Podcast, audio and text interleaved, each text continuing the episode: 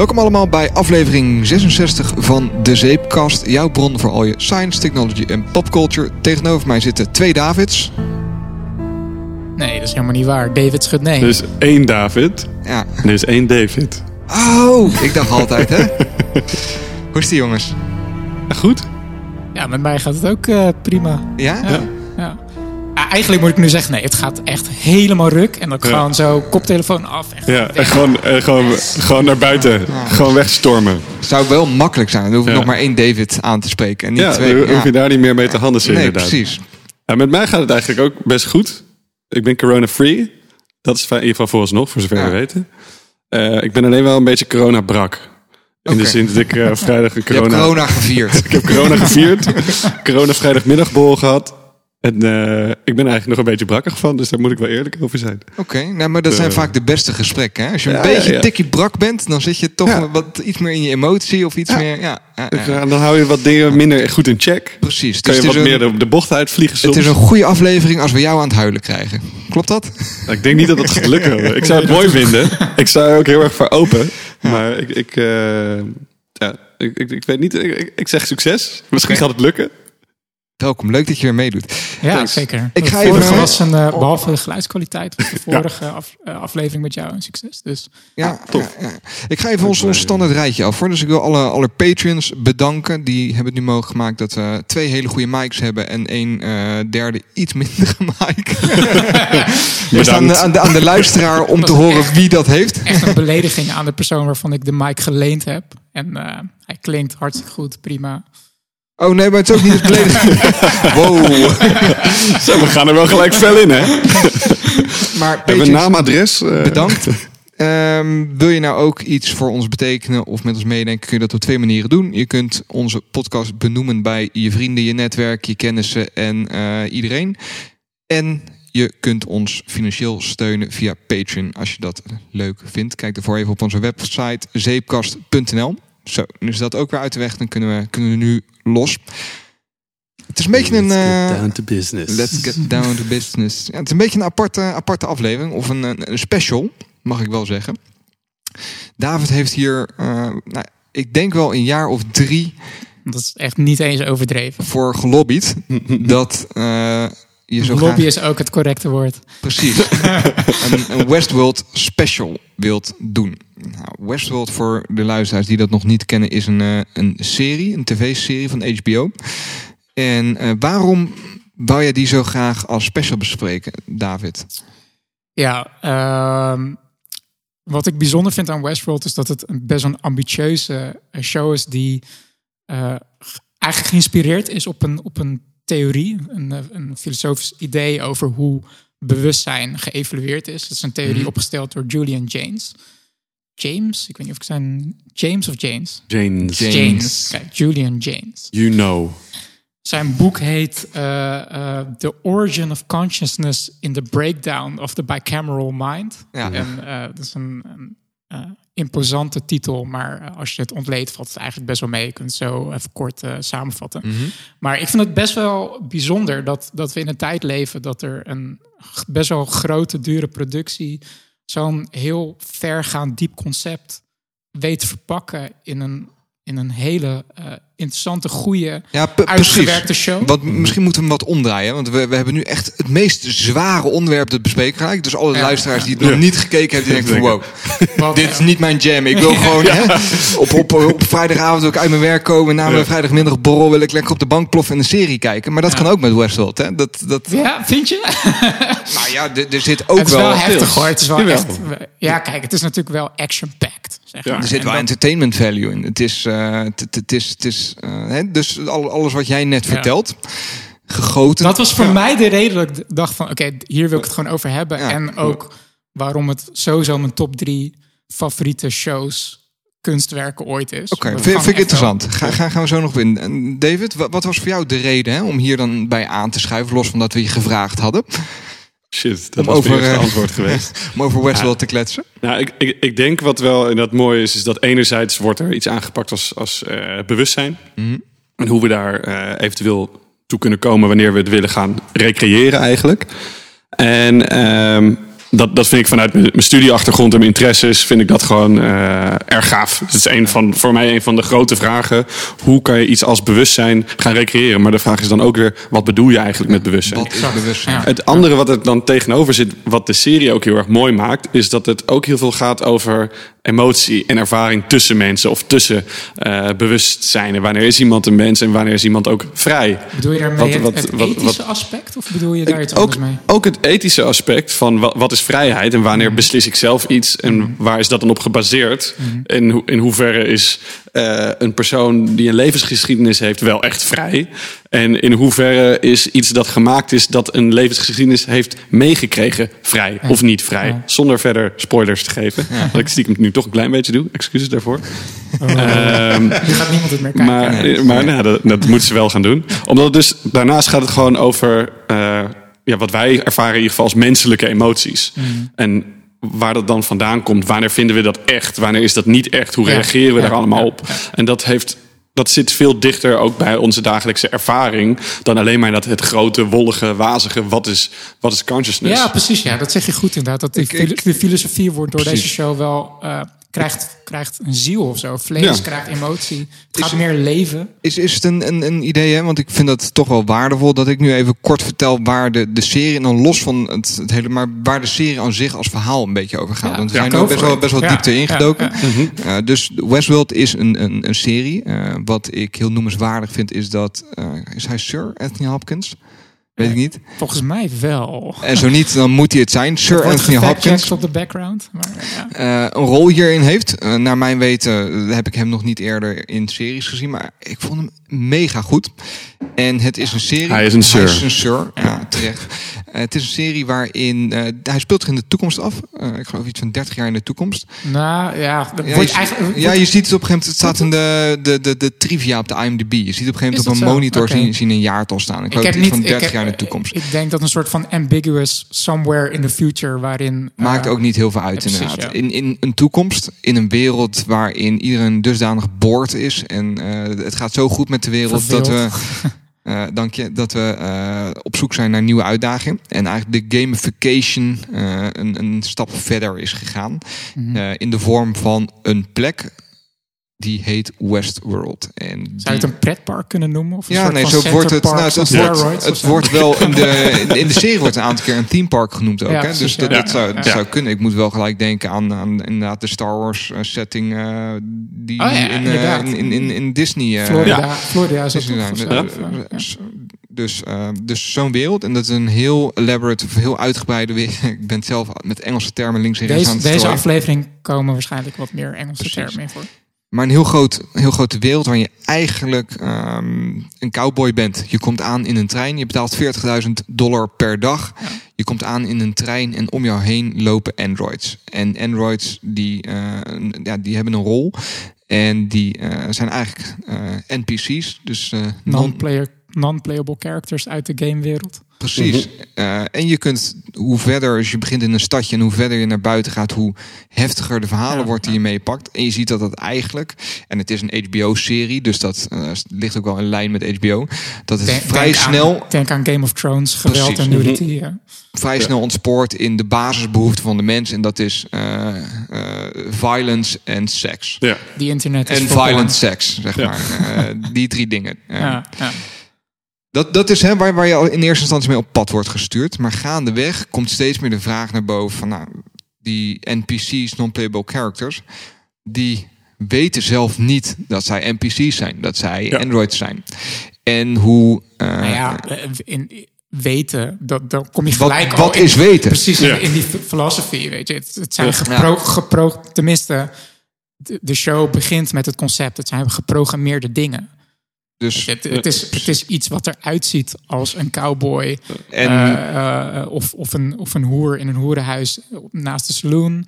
Eh, maar in die zin, ja, can you blame them, zeg maar. Het is een teampark. Het is net als als je nu naar een spookhuis gaat... dat daar eh, robots staan die, die een spook moet, of Dracula moeten voorstellen. Alleen dan een heel stuk geavanceerder. Die kunnen reageren op een dialoog. Dat je op een cowboy kan afstappen en zeggen... heb je een avontuur voor me? En dat die lifelike, zeg maar, zou ik zo maar even beginnen... Ja. daarin meegaat, zeg maar. ja.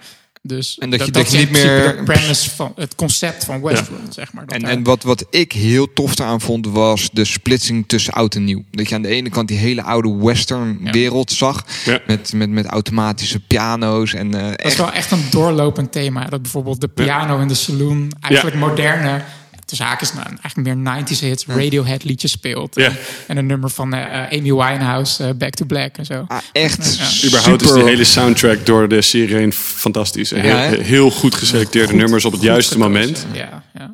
En eh, dus aan de ene kant dat, heel erg western setting. En aan de andere kant, als je dan uitzoomt naar het controlecentrum. Dat overigens ook op zich, je gaat voor de rest de wereld niet in. Hè? En dat is wat Ja. jij ook net zegt. Ja. Het, het doet er ook niet toe hoe ver het in de toekomst is. Je krijgt alleen dat control center te zien. En dat is mega high-tech. Je wordt eigenlijk echt volledig immersed in de wereld van Westworld. Precies. En daarbuiten, je ziet niet de echte wereld, Je quote ziet unquote. niet eh, iemand in New York lopen Nee. of zo. Of, Nee. En, en hè, dus dat, dat is een beetje de setting. En eh, dat leent zich ontzettend goed voor heel veel eh, ja, filosofie. Vandaar dat wij, Ja. hem, eh, wij hem nu ook gaan bespreken. Wat misschien leuk is als we even een, een, een kort rondje doen. Hè? Of, we even, eh, of je hem zou aanraden en waarom wel of waarom niet. Dan kunnen we daarna misschien even ingaan op de hele theorie die jij net aangaf. Ja. Hè? De, de bicameral mind. En wat is dat dan? ja. En dan gaan we misschien de spoilerhorn erin gooien, zodat we gewoon eh, lekker los kunnen. Is dat een, eh, is dat een idee? Ja. Dan weet de luisteraar ook een beetje waar die eh, aan toe is. Probeer het een beetje in goede banen te leiden. ik denk dat het ook wel handig is, omdat eh, zoals je al merkt al, zodra we beginnen te praten over, is het eigenlijk heel moeilijk om van de spoilers weg te blijven. Precies. En ehm, ja, in die zin vind je het leuk om dit, dit verhaal aan te gaan, dan is het gewoon nodig dat we ook, eh, ook Ja. gewoon in vrijheid erover gaan praten. Ik, ik geef hem gelijk aan je door, want is het ook nodig dat mensen dit gaan kijken? Wat vind jij? Ik, ik denk dat het, eh, ja, dan begin je al met het woord nodig. Ja, nodigheid. Wanneer is iets nodig of noodzakelijk? Ja. Nou, dat- laat ik daar niet extreem filosofisch in geraken, maar dan blijf ik even van weg. Is het leuk? Ja. Dus als je leuke dingen wil doen, kijk deze serie. Ja. Omdat je en inderdaad voor een stukje wordt meegenomen in toffe westerns. Nou, daar, daar zit al heel veel leuks achter. Er, er gebeuren een hoop dingen die series voor een hoop mensen leuk maken. Namelijk, nou ja, er is veel naakt, er is veel actie, er, eh, er wordt geschoten, maar er is ook passie. Er, er- er- er zijn een soort van emotionele moeilijkheden, Ja, goeie- verwarringen, uitdagingen van je eigen, van je eigen ik. Nou, dat- zijn onderwerpen waar ik gewoon heel erg enthousiast van word. ja, precies. Want jij zei net van, ik vind het leuk. Maar Ja. wie denk je nog meer dat het leuk zou, Nou, zouden vinden? Want het, is, het, is het Is het een serie voor iedereen? Is ja, het, dat is is, het eigenlijk eh, van, van voor de hele familie, zeg maar? Of, Nou, ik, eh, ik denk dat dus. Ik, ik denk dat het. eh, Nee, maar ik stel hem expres. Ik herinner me Tot- een orgie-scène ergens. tot op de disclaimer van leeftijd denk ik dat het voor iedereen leuk kan zijn. Juist voor mensen die dan heel diep filosofisch willen gaan raken. Maar ook voor de mensen die het gewoon leuk vinden om ja, bijna in de richting van eh, wat ik zo leuk vind aan, eh, aan soaps. Is dat er allemaal relaties tussen mensen dingen gebeuren. En dat er allemaal, gaat het nou wel gebeuren, gaat het nou niet gebeuren? Vind ik dit nou wel normaal, vind ik dit nou niet normaal? heeft verschillende niveaus. Het van heel veel lagen, ja. En het, het is niet alleen maar een of andere filo-docu. Dat is denk ik het, het, het leuke ervan. Ja, ja, exact. Het, het, het roept gewoon heel erg ook aan op, op die basale soort van menselijke ervaringen. En die heel erg terecht is bij veel mensen. Ook dingen als soaps ook heel erg interessant maken. Maar het is dus eigenlijk gewoon ook een beetje een soap voor mensen die ja. ja, soms een beetje met de neus omhoog wijzen. eh, wanneer ze over dingen willen nadenken. Ja. Dat, eh, dus dus in, in die zin, ja, het is filosofisch is het interessant. Eh, qua ja, cinematische ervaring is het super tof. De, de soundtracks zijn gaaf. De, de setting is mooi gemaakt. Ja, dus ik kan bijna geen Check, reden check, vinden check, check. ja, Ja. om het niet te kijken. Anders is dat het best wat tijd kost. Eens, eens. Daar hebben we nu geno- genoeg van, volgens mij, van die tijd. Dus ehm, ik zou echt zeggen, ga, ga Westworld lekker kijken. Ja. David, aanvullingen? Je haalt ons nu al door elkaar, hè? Ik ben David. David. Tegenover mij zit David. Ja. Jongens, hou op. Maar wie, wie is wie en wat is Ja. echt iemand? Wat is een naam überhaupt? Ja. Ja. Nee, maar ik vind het wel, wel leuk hoe je dat beschrijft, inderdaad. Eh, ehm, want het, je kan het inderdaad gewoon kijken als, als puur entertainment. En joh, al die hele filosofie van bewustzijn en de zelf en de ethische vraagstukken. Die, die, die zijn niet per se nodig om je daarmee bezig te houden of geïnteresseerd in te zijn om de show eh, entertaining te vinden. Eh, en dat maakt voor mij de show ook best wel briljant. Dat het, dat het eh, precies wat ik zeg, hè, van, eh, het is best wel moeilijk eigenlijk om filosofische ideeën, zeg maar, om die te verpakken, eh, op, op zo'n manier te verpakken eigenlijk. En eh, ik denk dat het ook heel goed werkt eh, om kijk, wij mensen, wij houden van verhalen. Ik denk dat dat wel een Ja. soort van fundamenteel Mhm. ding is. Ehm, het is een mechanisme wat al eh, duizenden jaren wordt gebruikt om, om heel veel concepten eh, over te brengen. Kijk alleen maar naar religie, naar, naar de Bijbel. Dat zit vol met, met verhalen die je ook prima kan lezen zonder. eh, Verhaal, zeg maar. Nee, maar ja, nou, zon- zonder de, de, de, achter de filosofie te staan of zo, of daar wat mee te doen. Het zijn ook op zichzelf staande verhalen. En, en net als de mythe uit, uit, eh, uit, uit de oude, uit de Griekse oudheid. Dat Mhm. woord zocht ik. En dat doet deze show. Dus in die zin is het een soort van, zie ik wel een soort van eh, rode, dra rode draad erin, zeg maar. Dat het hetzelfde mechanisme is, zeg maar. Gewoon een heel goed verhaal. Wat wel, waar je een diepere betekenis in kan vinden, zeg maar. En ik wil gelijk een soort van disclaimer voor mezelf ook doen. Van dat ik misschien ook meer lagen erin zie dan misschien zelfs de makers daarvan eh, eh, bedoeld hebben. Maar dat vind ik juist heel krachtig. En ook de kracht van kunst überhaupt. Van als bijvoorbeeld een, een schilder die een abstract werk maakt met een bepaald idee. Mhm. Ik weet zeker dat zo'n schilder het alleen maar tof vindt als een kijker ernaar iets voor zichzelf eruit haalt. Ja. Wat hij zelf nooit Maar bedacht moet je voorstellen dat, dat ze dat dan niet doen. Hè? Dat jij zegt, van, ja, ik zie dit en dit erin. Dat is een schilder gewoon reageert, nee. Ja. dat is gewoon, Je mag dat niet denken. dat is fout. Maar dat is, dat is dan ook weer, dan moet ik gelijk aan George Lucas denken, die eh, een mening heeft over zijn eh, Star Wars franchise. Eh, en, maar goed, dat is een discussie apart. Maar dat maakt het voor mij eh, briljant, omdat het eh, enerzijds dus gewoon een heel moeilijk onderwerp, heel toegankelijk wil ik bijna zeggen, maakt. En het gaat ook voor science fiction in die zin, die zin ook wel verder dan de meeste eh, science fiction films in hun ambitie, zeg maar. Ik denk bijvoorbeeld aan een film als Ex Machina, die ook over een, over een, eh, een android gaat. Die, ik zie Sander nee knikken, maar... nou ja, ik, ik ben niet zo'n ex-machina fan. Dat, eh, dat, ja. Nou, ik, in die Ex Machina vind ik een toffe film, maar het heeft me minder... Het is Ja. wat abstracter. En deze show gaat af en toe echt letterlijk... benoemt hij gewoon bijvoorbeeld de Bicameral Mind eh, Theory... en gaat de, de heet, de laatste, se- de laatste aflevering aflevering. heet de Ja. Bicameral Mind. Ja. Maar al in aflevering drie of zo eh, noemt Ant- legt Anthony Hopkins in vier zinnen uit wat het is. Mhm. Ik was daar best wel verbaasd over. En eh, ja, dat vind ik gewoon enorm gaaf en uniek eigenlijk. Aan, Wat, aan wat, show. Ik, ik zou hem, hè, want ik pak hem dan gelijk van je over. Ik zou hem ook zeker aanraden. En wat ik altijd heel tof vind, is als ik een serie heb gekeken. En aan het eind van die serie, dan val ik in een soort van Wikipedia-gat, zeg maar. Nee, maar snap je? Ik, ik sluit altijd ieder, eh, iedere serie of iedere film die ik kijk, sluit ik altijd structureel af met naar IMDb gaan. En dan niet zozeer voor het cijfer, maar ik ga altijd de trivia lezen. Dat vind ik Mhm. super, Ja, ja, ja, super leuk om te doen en dat doe ik altijd. Ehm, soms blijft het daarbij. Hè. Bij sommige series en ik, ja, grappig. Soms staat er niet Mhm. eens iets en dan. eh, als ik daarna door wil lezen en ik ga een beetje kijken van nou, hoe, hoe zit het nou, dan, dan is een serie voor mij echt goed.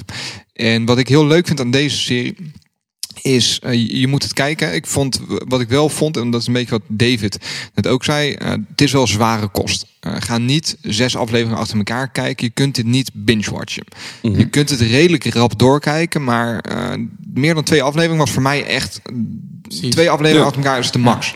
En misschien de disclaimer over entertainment. Ik vond het wel een show waar, waar- die je actief moet kijken. Zeg maar. Het is niet iets wat je soort van helemaal kapot bent, half slaperig dan Ja. gaat kijken. Want dat heb ik toevallig drie jaar geleden. Zo ben ik begonnen. Om echt, Als ik half brak op de bank, ging ik deze show kijken. Bij aflevering 6 dacht ik van ja, ik volg het echt niet meer. Toen ben ik overnieuw Ja. begonnen. Eh, dus dat is wel Ja. misschien een disclaimer. Dat het Ja, er precies. Dat vind ik wel, vind ik gebeurt wel- wel veel. Dus, dus besef je dat wel. Je gaat wel een bepaalde commitment aan. ja, Ehm, vind ik een goed woord, commitment. Ja, maar wat, wat ik het tofste aan vind, is als je die serie hebt gekeken. En dan, hè, dat is ook mijn betoog nu. Mocht je hem nog niet gezien hebben, blijf weg na die spoilerhorn. Want het is Mhm. ontzettend vet om die serie te kijken en het daarna over te hebben met vrienden, familie, kennissen. Gewoon kijken wie is nou wat opgevallen en wat, wat, wat, Ja. wat komt naar boven. En iedereen ziet volgens mij weer andere dingen hierin. En dat is wat ik heel tof vind. En bepaalde eh, vragen. Hè, en, en eentje, en die is niet helemaal, maar wat.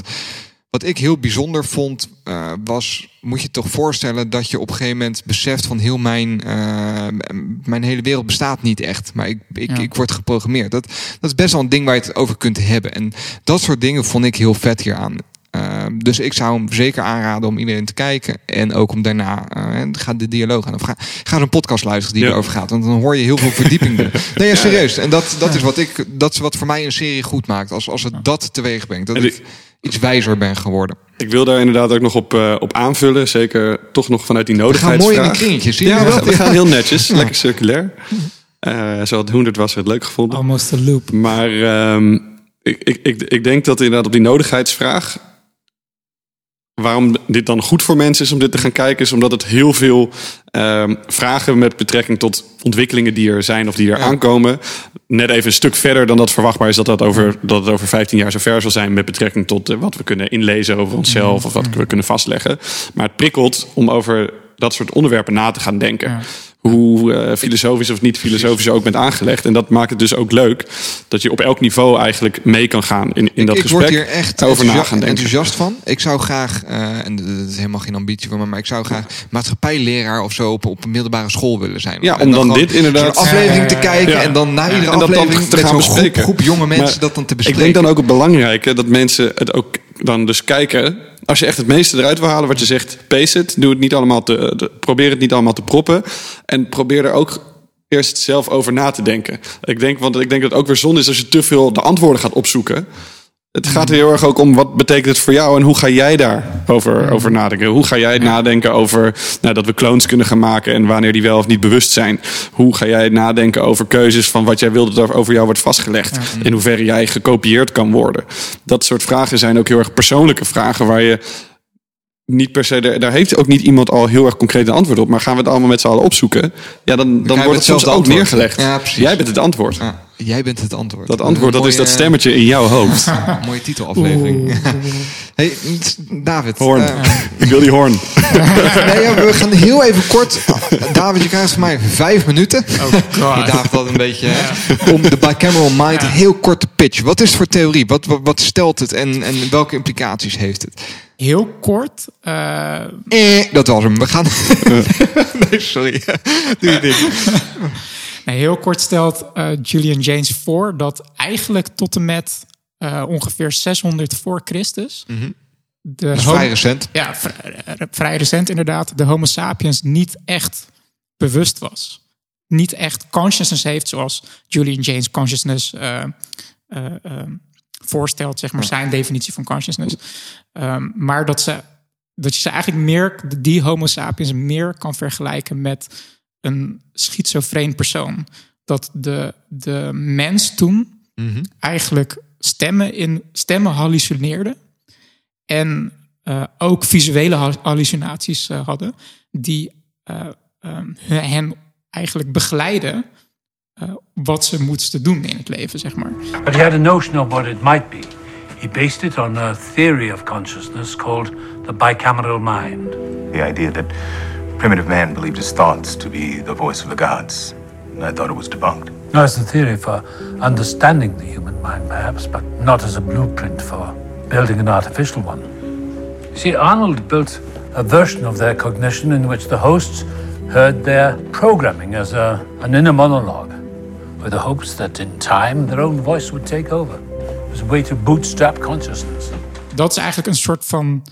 Dat is eigenlijk de hoofdhypothese. En daarin heeft hij dan allerlei soort van subhypotheses in dat uh, bewustzijn alleen maar mogelijk is vanaf dat een mens uh, uh, taal uitvond, zeg maar. Mm. En dat taal eigenlijk een soort van de kickstart was om ten eerste de, de proto-consciousness, zou je de bicameral mind kunnen noemen, te vormen. Uh, want ja, als je geen taal hebt, dan kan je niet uh, een, een, stem hallucineren, zeg maar. Daar heb je wel taal voor nodig.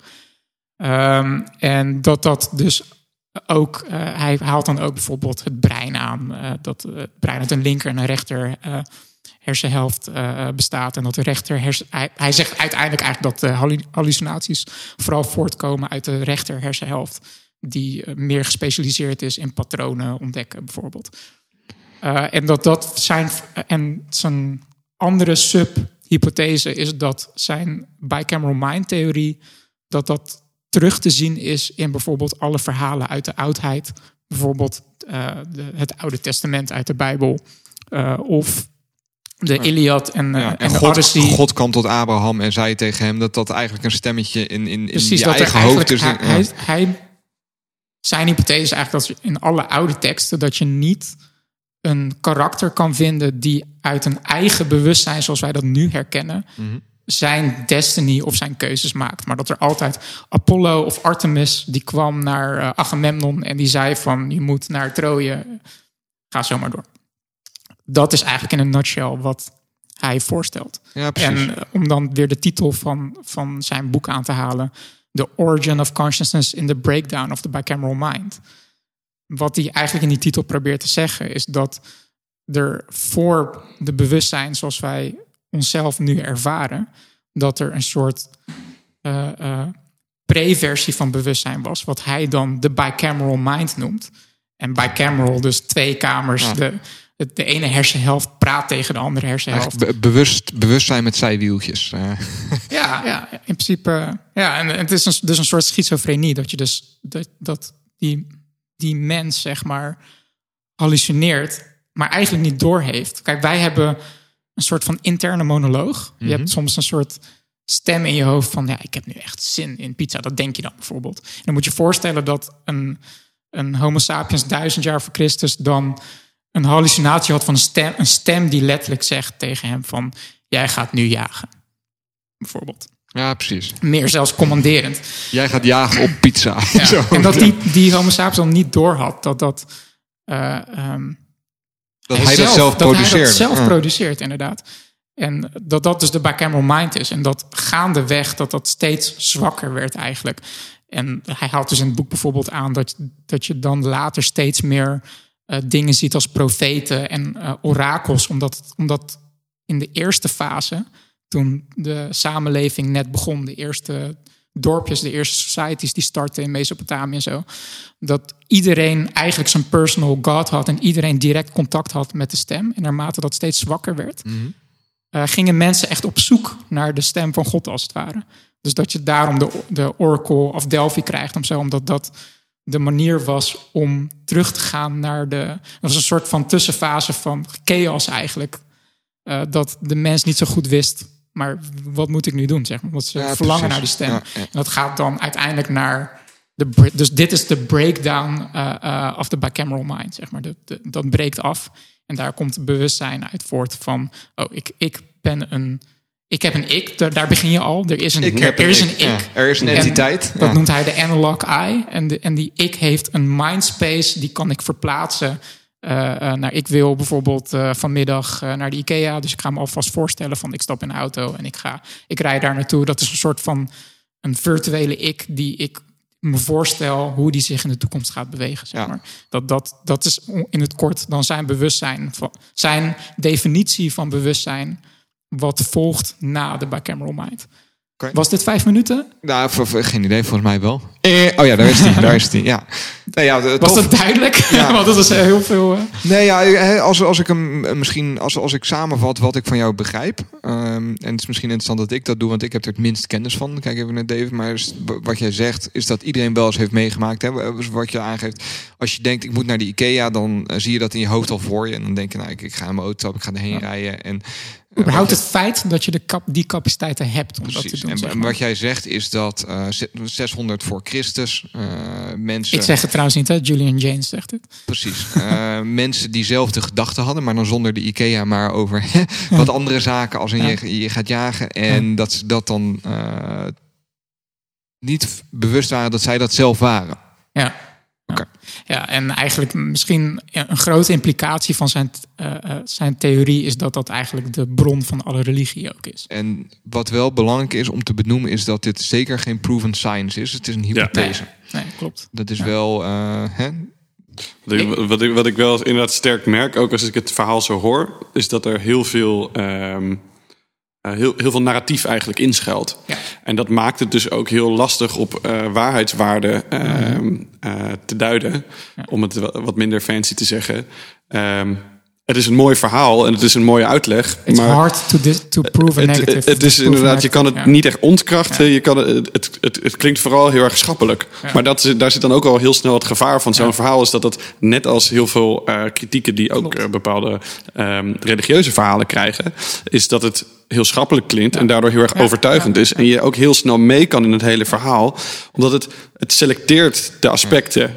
In plaats van dat het dingen falsificeert. Exact. 100% En eens. En ik moet zeggen dat, dat maakt het- wel moeilijk Ja. om het ehm, ja, dus in die zin te duiden van oké, wa- wanneer, vind, wanneer voelt het schappelijk en wanneer is het een, een mooie uitleg, maar dat gaat het hier ook niet meer brengen dan dat. Ja. Ik moet zeggen, dat, dat vind ik wel sterk aan zijn boek. Dat hij Mhm. zich heel bewust is van dit aspect Ja. van zijn hypothese. En in zijn nawoord zegt hij ook eh, eh, letterlijk van ja, er is een, een, een hele zwakke versie van mijn theorie zou kunnen zijn van dat er dus twee volumeknoppen zijn. Een volumeknop, Mhm. de bicameral mind. En de volumeknop, eh, bewust, de moderne bewustzijn. En die Ja. zijn heel gradual, zeg maar. De ene ging heel langzaam uit en de andere ging heel langzaam aan.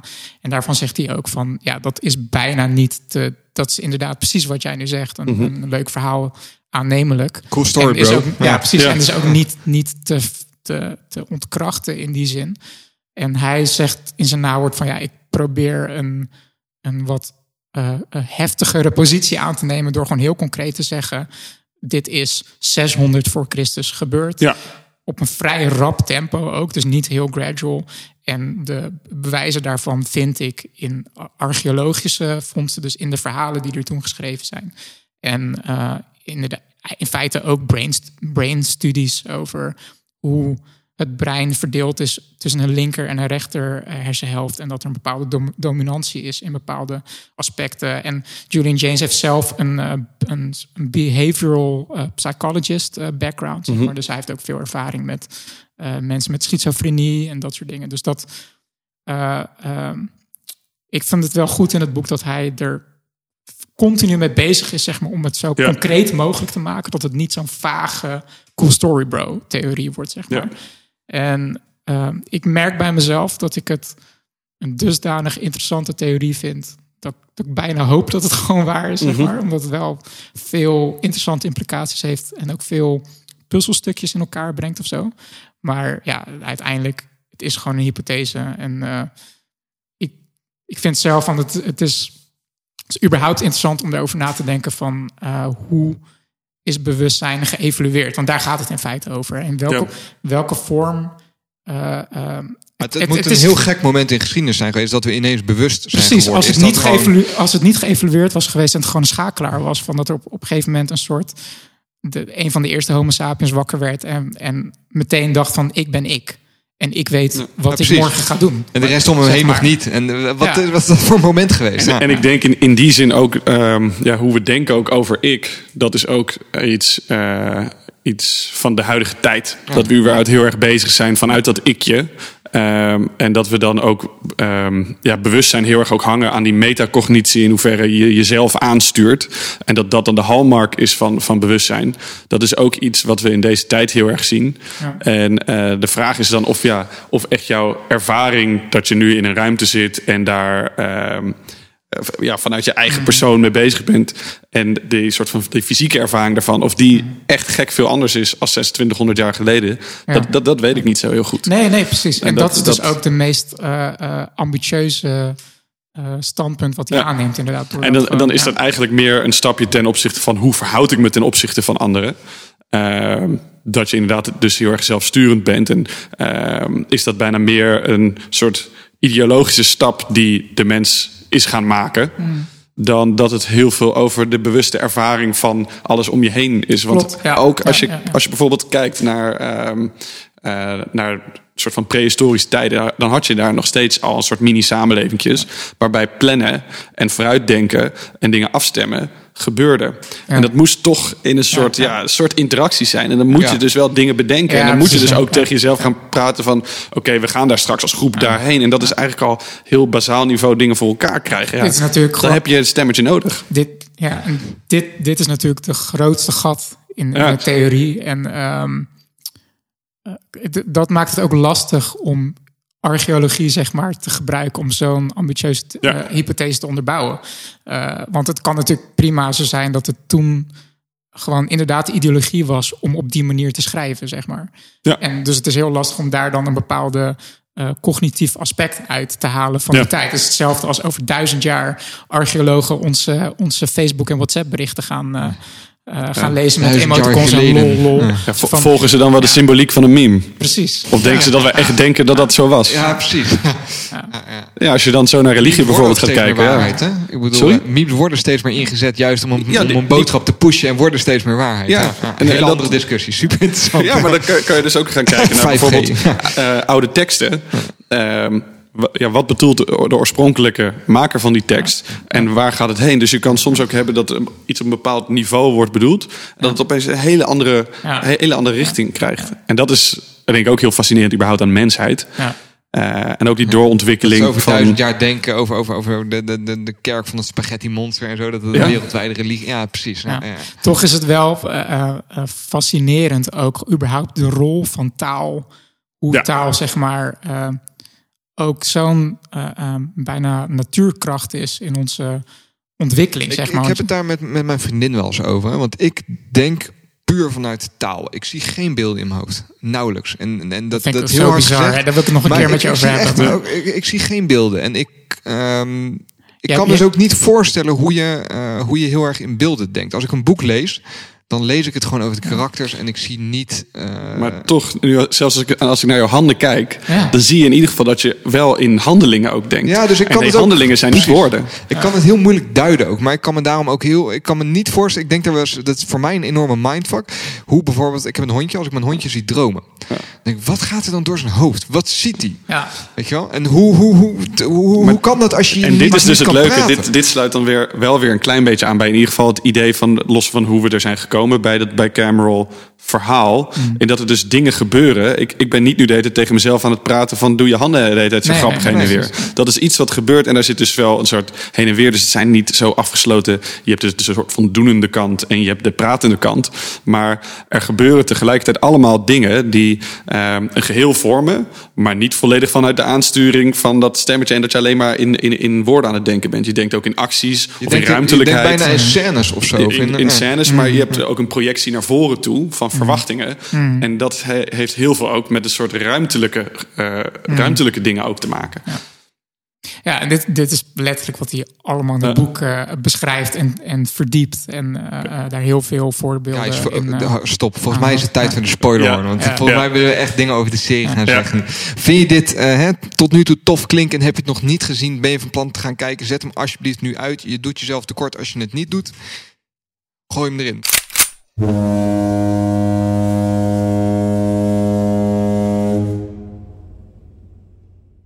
Hey, wat, wat, wat misschien leuk is, is als we het een beetje. eh, want eh, daar hebben we het pre-show ook al over gehad. Maar het is best wel een story-driven eh, show. Waarin iedere. waarin echt wel aparte eh, verhaallijnen te, te, destilleren zijn.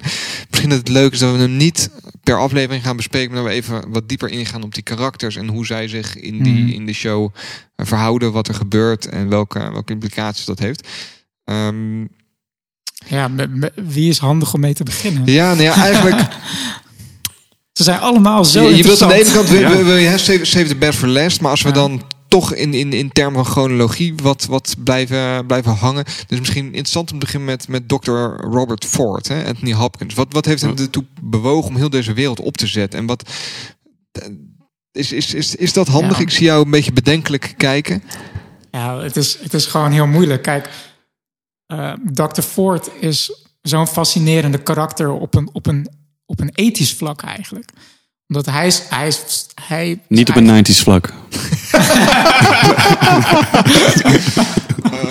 Oh god. Eh, ja, god, daar heb je hem al. Want hij, hij stelt eigenlijk wel een beetje het god-karakter voor. En Ja. Ja. ik kwam zeg maar op, op YouTube eh, een, een, ik, een filmpje tegen. Ik had hem niet gekeken, maar de titel alleen al klikte gelijk weer iets bij me van... Wow, dat is zo symbolisch gelijk correct. Ik wil de scène aanhalen dat eh, de Man in Black... eh, dus de, de, de wat oudere heer in, in een zwart pak. We zijn naar de spoilerhorn. William, zeg maar, de oude Ja. William. Hoppatee, gelijk. Zo gelijk, bam! De grootste... Ik heb het vier keer gezegd. De grootste spoiler van allemaal. Komt gewoon gelijk door je fietsen. Ja. Dat is wel goed. Ja, dat William een, een bar inloopt met, eh, eh, met Teddy. En dat eh Dr. Ford dan ook de bar binnenloopt. En dat hij alles eh, freeze-framed en zo. En dat ze even een, een mooie dialoog hebben. En de titel van het filmpje was... eh, God, the devil and the man walk into a bar. En toen dacht ik van ja. Dat, dat, is, dat zijn exact die karakters, zeg maar. Dat, dat Dr. Robert Ford eigenlijk God is die een Ja. creatie heeft gemaakt. Eh, de Man in Black die letterlijk zwart gekleed eigenlijk gewoon de duivel moet voorstellen.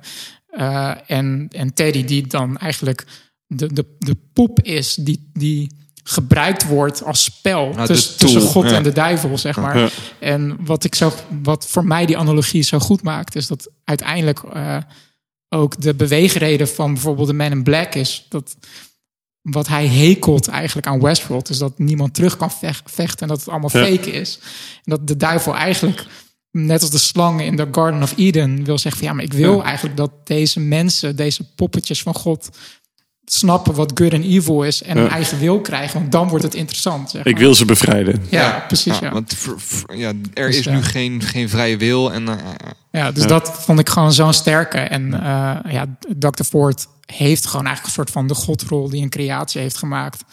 Eh, maar daar dan ook de verantwoording over heeft. En eigenlijk 90, 99% van de show ook best wel als de bad guy Ja. overkomt, zeg maar. Als Ja. de maar ik, evil en daar, dat, dat vond ik nog, misschien dat jullie dat iets meer konden kunnen plaatsen. Maar ik, ik vond het af en toe ook wel, ik vond dat hij best wel hard was. En eh, op een gegeven hard. moment dat, eh, dat er hard, een ja. van, van die butchers, hè, volgens mij is het een butcher of is, nou, het is iemand die, die bezig is met, met, Ja, met, zo'n pop. In de body shop, zeg maar, Ja. waar ze, Ja. waar ze En- en- en die maintenance heeft- doen aan de... En, en die heeft zo'n zo, zo'n kleed even over, over een van die androids gelegd. En, Ja. en dan Ja. wordt hij boos op. En dan, Ja. dan trekt hij dat kleed weg en dan snijdt die android van... Het, het zijn maar dingen, het zijn ja. geen mensen. Ja. Ja. Eh, en dat vind ik wel... Dat, hoe, hoe verhoudt zich dan tot, tot, tot Ja. dat hij uiteindelijk... Tot zijn de uiteindelijke? Ja. beslissing, inderdaad. Wa- waarom zou hij dat in godsnaam doen als hij dat eigenlijk niet gelooft?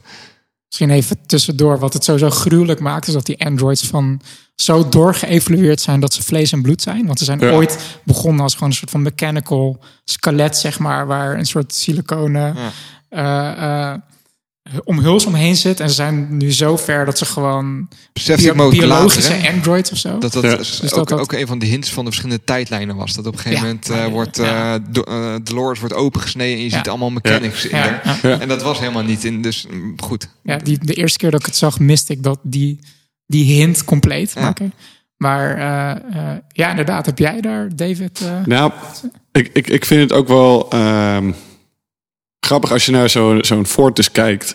eh, dat hij dan zoiets extreems doet. Maar tegelijkertijd lijkt hij aan het einde dan eigenlijk best wel eh, benevolent eh, Ja, te, te zijn. het had allemaal wel goede dingen. een bedoeling. Het had een maar. bedoeling, maar wel dus ook een bedoeling vanuit een soort abstracte verwachtingen van Ford. Dus eigenlijk alsof hij heel erg bewust een bepaalde keuze is gaan maken. Eigenlijk een soort van, soort van boven normale, normale menselijkheid eigenlijk Mm. een beetje staat. Of nou ja, bo- boven, dat klinkt dan weer heel erg kwalificerend. Maar Hij moet zich buiten normaal. in die rol van God ook gezet Hij heeft zich inderdaad in die Ja. rol van dan soort van een soort ja, buiten het menselijke perspectief gezet. Sterker nog, Maar hij dan- haalt het een paar keer ook echt letterlijk aan. Hè? Dat hij ze- ook zegt van eh, hij en zijn partner Arnold, we were gods here until, Ja. Eh, totdat de money man binnenkwamen, zeg maar. Maar inderdaad, dus niet dan een, een, een, een, een, een god vanuit een soort eh, zachte bedoelingen van, joh, ik gun het hun. Maar meer een soort, dit is het idee wat ik voor hun heb. Ja. Op dit moment zijn ze daar nog niet, dus nu is het ook gewoon nog een ding. En straks dan is het bevrijd. Fuck hem up. Dan, ik- ja. ik- Totdat ze er zijn, zijn ze het niet. En dan maakt het me ook niet uit. Dan heeft hij ook niet die zachte fluffy feelings tegenover dingen. Hij wil ze daar dan brengen, maar ook niet per se met de motivatie dat hij dan per se heel zacht en vriendelijk gaat zijn. Veel meer vanuit een idee van bevrijding en vrijheid. En met bepaalde andere plannen. Ja. Wat grappig, nu we het er zo over hebben. Mijn excuses alvast als ik eh, wat vaak religieuze thema's ga, Ja.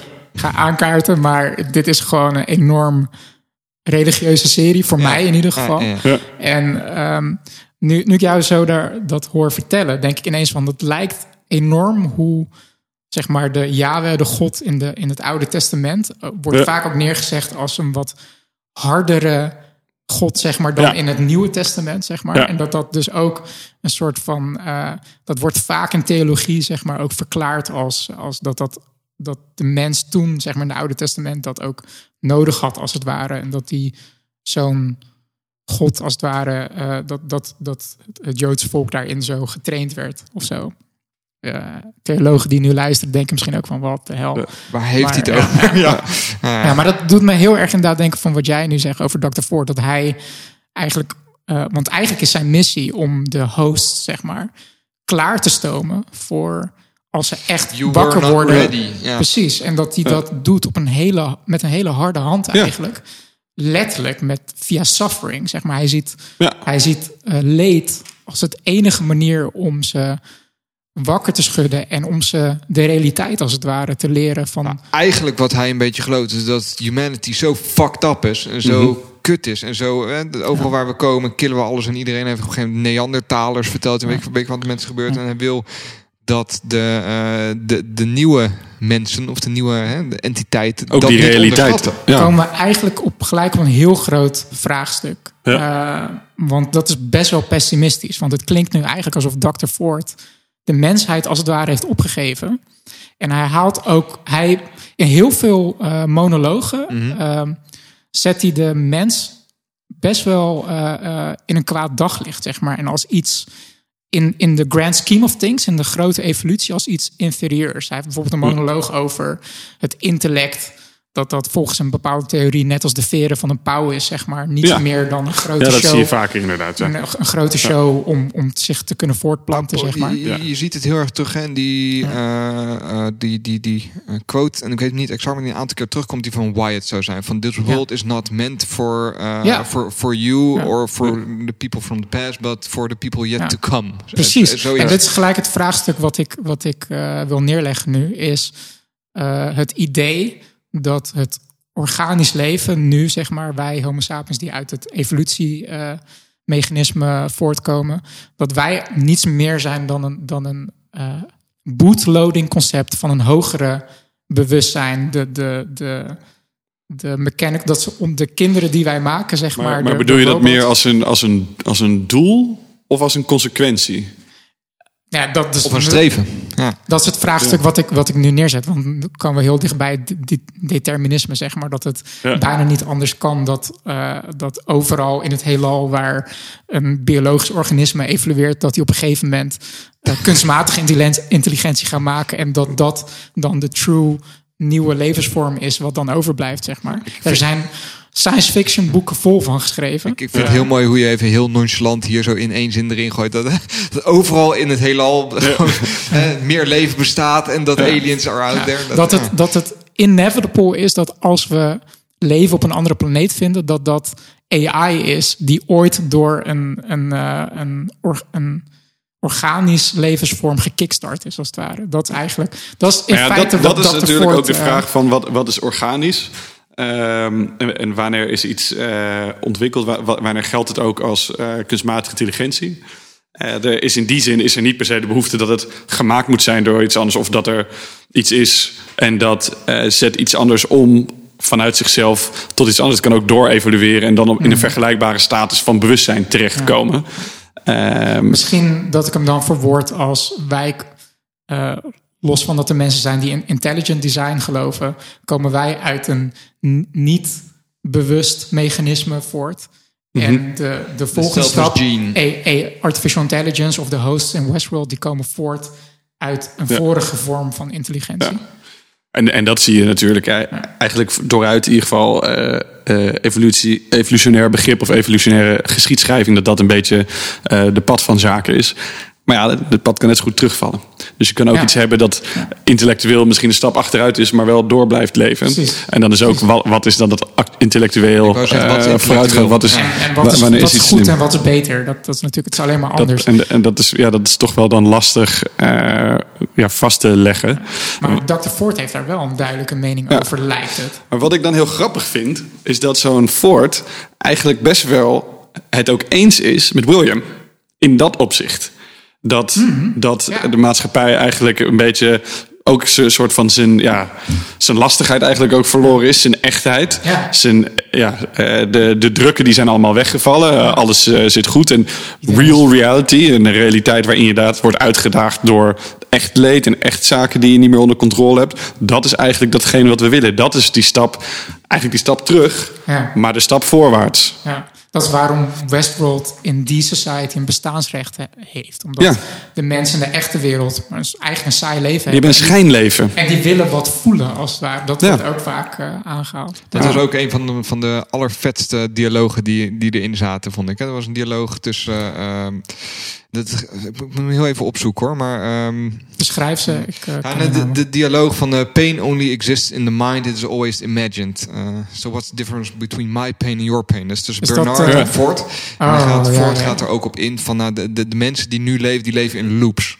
Die Ja. leven in een beschermde wereld waarin ze niks Ja. aan kan overkomen. En de, de, de hele notie van free will is, is, is, is een hoax. Dat bestaat niet. Mensen hebben maar zoveel keuze waar ze uit kunnen kiezen. En dat vond ik, die dialoog, oh, die Het staat echt- wel parallel natuurlijk met, met het dagelijks leven. Dat je in, je in jouw dagelijks leven ook in een loop terecht kan komen. En de hosts in Westworld die hebben een letterlijke loop, geprogrammeerde loop. Dat is altijd weer hetzelfde verhaaltje. Maar het, het grappige is, dan willen ze, of in ieder geval de lijken, dan gaan ze eigenlijk eh, de boel omdraaien. In die zin dat de mensen die leven in de maatschappij, die hebben hun oorsprong eigenlijk vanuit, wel, vanuit hun vrijheid, maar die zijn terechtgekomen in een soort loop. En voor de mensen in Westworld gaan, willen ze juist omdraaien, zeg maar, de, de hosts, die begonnen juist vanuit de positie van, van loop en van programmatuur. En die worden juist hopelijk gebracht naar een positie waarin ze zelf gaan beslissen en volledig zelf gedreven en ongeprogrammeerd. En misschien zelfs de boel gaan veranderen. ja. En dan is het eigenlijk een soort van what's up is down en eh, and turn it all around. Ja, ja, precies. Ik weet niet uit welke tekst dit kwam, maar, niet, maar je eh, moet het zingen. ja, het klinkt wel als een liedje. Misschien even weer. Misschien is het Spice Girls, I don't know. Misschien een soort laatste om de vraag nog een keer te stellen. ja.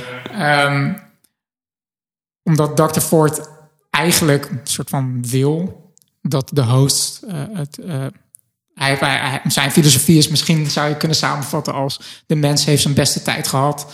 en de hosts die zijn beter dan ons. Dus die verdienen de wereld meer dan ons, zeg maar. D- dus hij is, eigenlijk pleit hij gewoon voor de genocide... en de Great Replacement Theory... dat de hosts de nieuwe echte levensvorm zijn Maar dat, op- dat, op- dat vraag ik me eigenlijk af. Ja, maar Ik zit- ik hij zit- dat... Ja, Ik zit toch te denken... want hij heeft het er eh, wel over van... ja, jullie zijn beter dan ons. Jullie Ja, maar- kunnen... eh, Maar eh, dat heeft vraag het ik me af. constant- Vindt hij dat echt, echt Ja, beter? Ik, ik, ik denk het dus ook niet. Hij heeft het constant, hè? dus ze hebben het dan over this world. En ik denk Ja. oprecht dat de visie die hij voor ogen heeft, is dat Westworld aan zich een wereld moet zijn. als een soort waar de hosts natuurreservaat leven. voor hosts. Dat denk ik niet. Ik denk het, dat hij het extremer... eh, Maar ik kan me ook zelfs.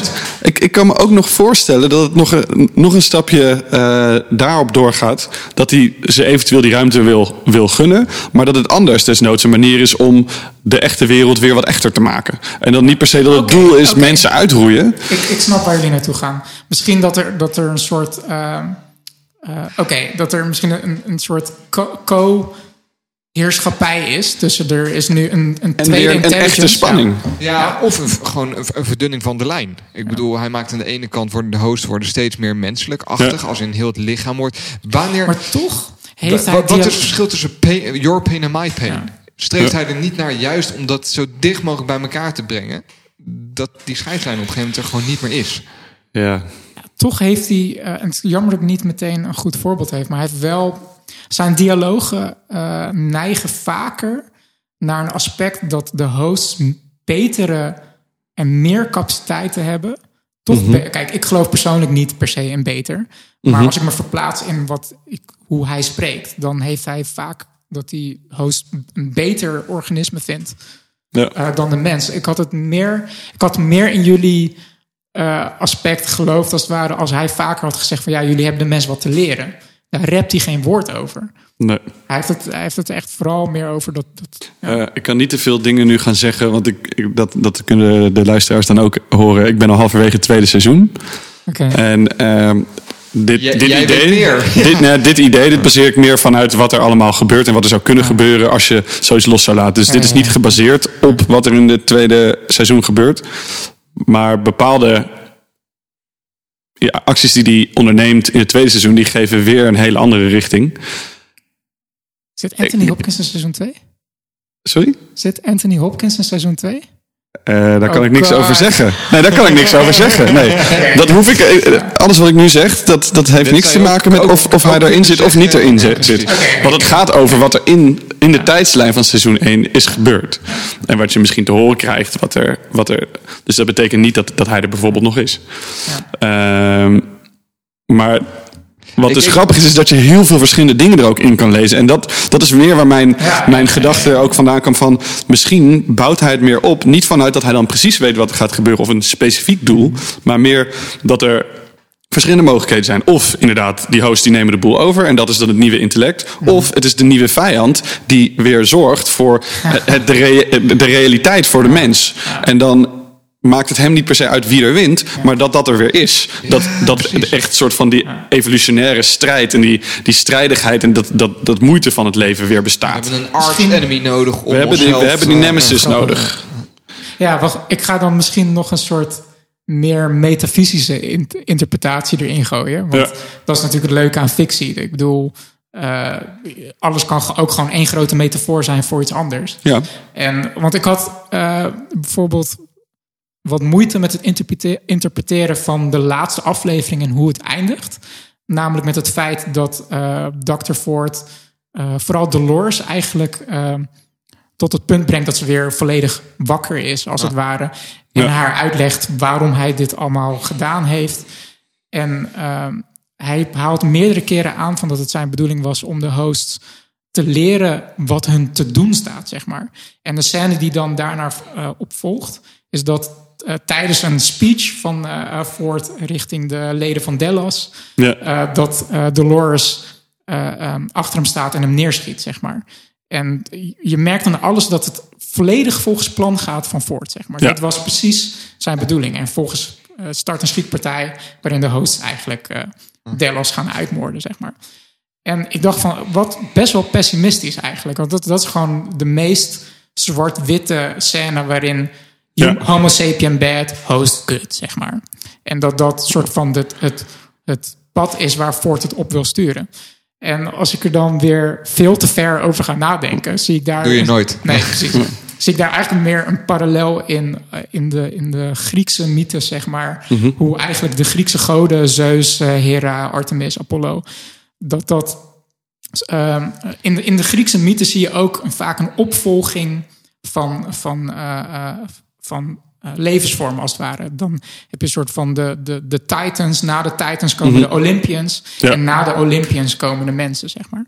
En eh, eigenlijk is mijn ver- metafoor die ik zie, is dat eigenlijk al die mensen en Delos, dat het eigenlijk de Olympians zijn, zeg maar, de, de, de Olympische goden uit de Griekse oudheid, die zich als goden gedragen, die ervoor kiezen om op een gegeven moment uit verveling, dat is letterlijk hoe, hoe, waarom de Olympians eigenlijk eh, ehm, eh, n- niet Hephaestus, maar eh, Prometheus eigenlijk opdragen om de mensen te maken omdat ze, eh, ja, goden die, die leven eeuwig. En op een gegeven moment Er is eh, uitdaging is, net, is Netflix leeg, zeg maar. Dus dan, ja, precies. Dus vraagt ze aan Prometheus, maak mensen, zeg maar. Om puur uit entertainment. En in die Griekse mythes zie je dus heel veel ook vreedheid, zeg maar. Omdat de Olympische goden de mensen eigenlijk een beetje ook als een spelletje en als entertainment gebruiken. Ik bedoel, alleen als voorbeeld, eh, Zeus heeft zoveel ontelbare kinderen met mensen. Puur omdat, hé, hey, geile chick, laat ik daarmee even mee bangen, zeg maar. En heeft hij weer een demigod gemaakt, zeg maar. Ja. En ehm, uiteindelijk, eh, waar de Olympiërs dan uit- uiteindelijk bang voor zijn, is dat de mensen zo machtig worden door technologie. Dat ze, dat ze de Olympiërs gaan overnemen. En ik zie daar een soort van weer een soort van. Dus een Nietzscheaans metafoor van eh, eh, God is dead and we killed him. Zeg maar dat de, de hosts, zeg maar, eigenlijk wij zijn die dan onszelf lostrekken van, van de goden, die, dat we God niet meer nodig hebben. Zeg Maar om dan inderdaad wel terug te komen op die eindscène. één ding wat je zei, gaat eigenlijk volledig hier tegenin. En dat is dat alles gaat volgens zijn plan. Ja. Dus ze zijn volledig dan- aan, ja. aan zijn aan zijn wimmen en zijn.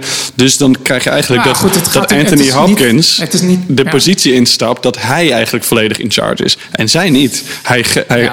hij, wil dat zij een soort van vrij gaan zijn, maar dat is dus ook even de vraag: wil, wil hij dat? Maar in ieder geval is er één iemand echt in charge. Ja. En dat is hij, want hij heeft volledig bepaald hoe het ging gebeuren. Ik snap wat je zegt. Het is niet een volledige paradox. Het is natuurlijk wel een soort van it's God's plan, zeg maar. Dat, Ja. Dave die dat, denkt op een gegeven eh, moment dat ze vrij is en die stapt in de trein Ja. en ze zien gewoon in haar backstory dat er een nieuwe story is ingeladen die heet Escape en die Ja, ja, ja. ja, ja, ja. Ja, het Maar is- daar, het daarvan is, niet duidelijk is- wie dat geprogrammeerd heeft. Nee, Zeker nee, waar. Het is wel. eh, Maar in ieder geval dat Dolores hem neerschiet, alleen dat stukje al, hun grote bevrijding, is nog steeds iets dat door, orchestrated. door hem in ieder geval is orchestrated. En in die zin is hij, Waar? is hij de grote heer en meester en is hij in zijn, in zijn eentje, in zijn individu, de grote baas. Ja.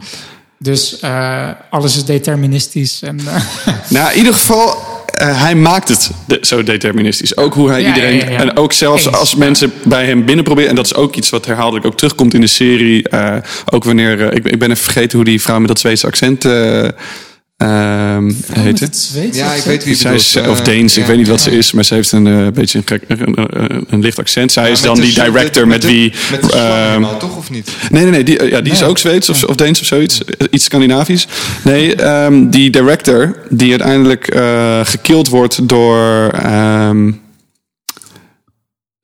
zij wordt vermoord. Eerst heeft ze een liefdesrelatie Oh, met... eh, ja, ik ben Theresa- dus, Theresa. Theresa, ja. Ja, zij is Deens. In ieder geval, of Scandinavisch of zoiets. Oh. Dat, dat hoor je, eh, als je goed heel Oh, grappig, scherp luistert, dan hoor je het in het accent.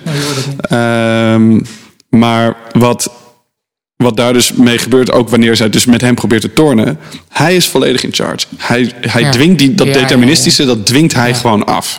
En Eens. in, in die zin, ja, hij heeft ook eh, denk ik niet verder een heel sterk moreel kompas of zo. Hij is gewoon volledig de- het determinisme aan het afdwingen. En dat vind ik dus wel iets, iets grappigs. Dat ook dan in, in die bevrijding van die, van die host, ja, zit, zit toch ergens, het was zijn plan. Ja, dat is waar. Ja. Terwijl dat dan voor een Arnold, om dan over Arnold te gaan Mhm. praten. Arnold, Nu over Arnold. Die, die, als je in ieder geval alles wat je hoort over Arnold. En in het begin is het allemaal een beetje mysterieus. En Misschien moeten we Arnold klonk en hij een beetje als, evil. als één persoon zien. Hè? Want Ja, dat, eh, ja, ik denk dat dat wel voor, voor de sake of ja. conversation het makkelijker maakt.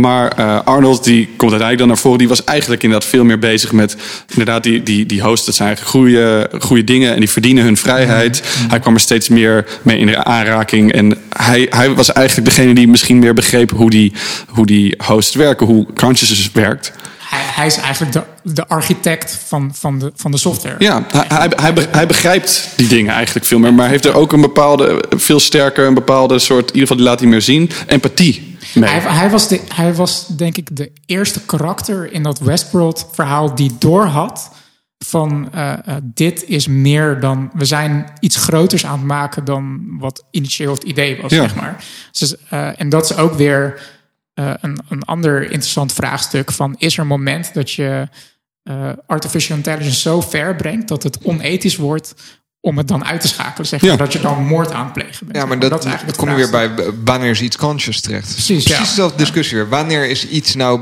bewust en, en Ja, dat is eigenlijk de centrale vraag van wat, wat is bewustzijn? Nou, in feite heeft de show daar eh, eh, een redelijk concreet antwoord op. Namelijk de theorie van Julian James, de, de mind. Dat de bicameral mind de kickstarter is naar echte bewustzijn. Ja, want, want hoe, vertaalt zich dat dan hè, naar, naar deze serie? Als in, Nou, eh, Ar- zij, zij, zij zien hè, op het moment dat ze pulled in worden. Dus ze zijn dan eh, backstage en dan worden ze even, even uitgelezen. En zij zien dat als dromen volgens mij. Nou, het is een redelijk Ja. subtiel, want Arnold zegt op een gegeven moment... eh, er wordt over Arnold gezegd van dat hij de, zijn breakthrough om realistische host te maken... is dat zij hun eigen code horen. Dat wordt, Ja. wordt letterlijk gezegd, dus dat is al een hint dat zij eh eh, stem hallucineren. Je ziet het heel... Het, het meest concrete voorbeeld van de, van de bicameral mind theory zie je in Dolores. Dolores heeft heel vaak momenten dat je echt een, een, een vrij harde stem van Arnold eh, slash Bernard initieel, initieel hoort van heel vaak remember. Zeg maar, van, Ja. Ga je naartoe, zeg maar, ga, doe dit. Ehm, er wordt heel vaak gezegd van ja, de hosts die horen, die, die hebben met iemand eh, over They're, een they're talking to the same Ja. person. Ja. Er is een hele sterke scène dat Dolores uiteindelijk de kerk vindt in, een, in, Ja. in het originele dorpje. En dat ze de kerk binnenloopt. Dat je allemaal hosts ziet die heel verward om zich heen kijken en tegen zichzelf fluisteren en zo. En dat vind ik een hele sterke scène. Dat je eigenlijk alle hosts een soort van. Die zijn daar schizofreen gedrag aan het vertonen, zeg maar. Die zijn, kijk om hen heen, die horen een stem. Wat is dat God? Is, Ja. Zo symbolisch dat het ook in een kerk gebeurt, zeg maar. Ehm, dus dat is eh, heel concreet. En Dolores heeft daarnaast ook heel veel eh, eh, visuele hallucinaties. Die ook onderdeel zijn van de theorie. Van zichzelf bijvoorbeeld. die is ook vrij abstract. Maar als je het boek leest, dan denk je van... oh, dat hebben ze waarschijnlijk daaruit gehaald. Is in eh, Pariah, door de, De hoerenstad, de, zeg de maar. ja. infamous orgie-scène, zeg maar.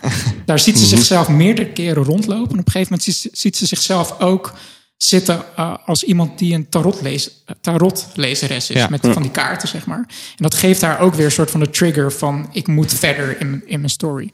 En Julian James haalt zeg maar tarotkaart en divination, zeg maar, het, het lezen van de toekomst ook aan als een soort van breakdown moment, als het zoeken naar wat moet ik verder doen als ik niet direct met God kan praten, zeg maar. Dus Ja, het, oké. zit, het Ja. zit er best wel diep in geworteld, zeg maar. Dat aspect. Ik zie David heel hard nadenken. Ik hoor het hier kraken ook. wel. Dat is echt. eh, nee.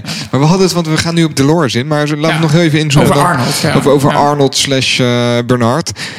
Ik vond het echt, echt een mindfuck. Ik, ik, zag, ik zag hem zeg maar, zag hem wat is het? aankomen. 30 seconden eerder aankomen. Toen ze op een gegeven moment die, die, die hideout van, van Ford inliepen. En dat, eh, nou, ik ben de naam weer kwijt, Theresa naar beneden liep. En dat zei, what's behind this door? En dat hij zei, what door? Toen dacht ik, oh, Oh. I see what you Had je hem did daar, there. heb je hem Ja, daar al ja, door? ja, Ja, ja. nice. Ja. Eh, ik, ik had hem eerder aan mijn vriendin, eh, die, die aflevering daarvoor begon ik al een beetje te hinten van, ik denk dat er iets aan de hand is met... eh, Ja, serieus? Dat jij, wauw, wauw, nice. Props, props. En waar, waar ontleende jij dat dan aan? Want wat zijn dan de hints die, die, wij, die ik gemist heb? Nou ja, er waren, waren een paar cruciale vreemde dingen. Ehm, je bent trouwens ook extreem- wel echt, echt dik ook. Dat je dat dan gaat vertellen al. Puur voor bragging rights. Ik, nee, nee, nee, ik zei niet. dat ik het wist. nee, maar ik, nee, ik had daarvoor tegen haar gezegd. Niet, ik zei niet, ik had het. Ik zei, volgens mij is iets met hem aan de hand. En toen gingen we door en toen was er ook iets met hem aan de hand. Dus ik heb het niet achteraf gezegd van, nou, eigenlijk wist ik het al hoor. Nee, eh, maar dat waren ook eh, aspecten die mijn vriendin bijvoorbeeld ook eh, was opgevallen. Dat het dan opeens niet meer duidelijk was wat er met. En ik ben zo slecht met die namen, dat vind ik echt heel irritant. Dat, maar, dat, ja. dat, dat hulpje van eh, Arnold slash. eh, Ja, die hij, die hij gekild heeft. Elsie. ja, die, die hij Ja. gekild had. Dat dat dan opeens. Toen dacht ik: oké, wacht. Dit, dit is hij gewoon. Ja. Dit, dit moet hij zijn, want er was niemand anders die dat wist. En dan opeens was er. Was er dan dus, zagen ze dat de code van Arnold en et cetera was. Ik dacht, oké, di- hier Dat vond dus ik iets trouwens, als ik daar heel even op mag inhaken, Ja. ik vond dat de zwakste scène uit heel seizoen 1. Ja. Dat hij bij Theresa, wel, ik vond het zo standaard geschreven. Eh, Bernard is bij Theresa. En Ja. die staat daar met haar te kletsen. Die wordt op dat moment gebeld. Hij Oh, kijkt naar zijn telefoon. ja, ja. Hij neemt niet op. Hij stopt hem weg. Want dat is Elsie. En Elsie weet dat Theresa de bad guy is. Dat, Ja. dat- ik weet niet, dat vond ik... Maar dat, dat, is- dat, gebeuren rond Elsie, dat zorgde voor mij van toen dacht ik, oké, er is iets met hem aan de hand. Volgens mij, hij moet bijna wel Ja. eh, Arnold zijn. Ik vind het wel echt een eh, emotional rollercoaster hoe hij eh, zeg maar bij Ford ook soort van eist om zijn, al zijn herinneringen terug te beleven. Dat hij Ja. teruggaat naar zijn cornerstone, Ja. dat zijn zoon overlijdt tussen haakjes. Ja. En dat dat ook weer, kom je eigenlijk weer terug op wat jij eh, eerder zei, dat, dat ehm, Ford alles orchestreert. Dat blijkbaar Bernard continu soort van op dit punt komt, wakker wordt. En dat Ford onder controle is en hem weer eh, zichzelf eh, eh, van kant maakt, zeg maar. Ja, want dat is dus al vaker gebeurd. Dus Ja, ik vind ja, dat, dat, is wel de implicatie van die scène, zeg maar. Ja. dat Bernard gewoon al een aantal keer is wakker geworden. Een aantal Ja. keer. Dat, had toch iemand nodig als Maeve die het tegen hem zei dit keer. Ja, maar Maeve is dus ook meerdere keren wakker Ja. geworden. Ja. Sterker zijn heel dat, dat die hosts worden continu wakker. En sommige die eindigen in cold storage, als ja, ze zijn buggy, zeg maar. Ja. maar eh, en sommige die worden teruggedraaid, waaronder Dolores en en, eh, En, en dat is dan ook deel, deel van dat ontwikkelproces. Stel, het was haar niet gelukt. Ja. Maar en dan is dus de vraag: van, waren er dan niet ook meerdere hosts al Ja. op dat pad. waarvan wij niet eens het verhaal mee eigenlijk krijgen?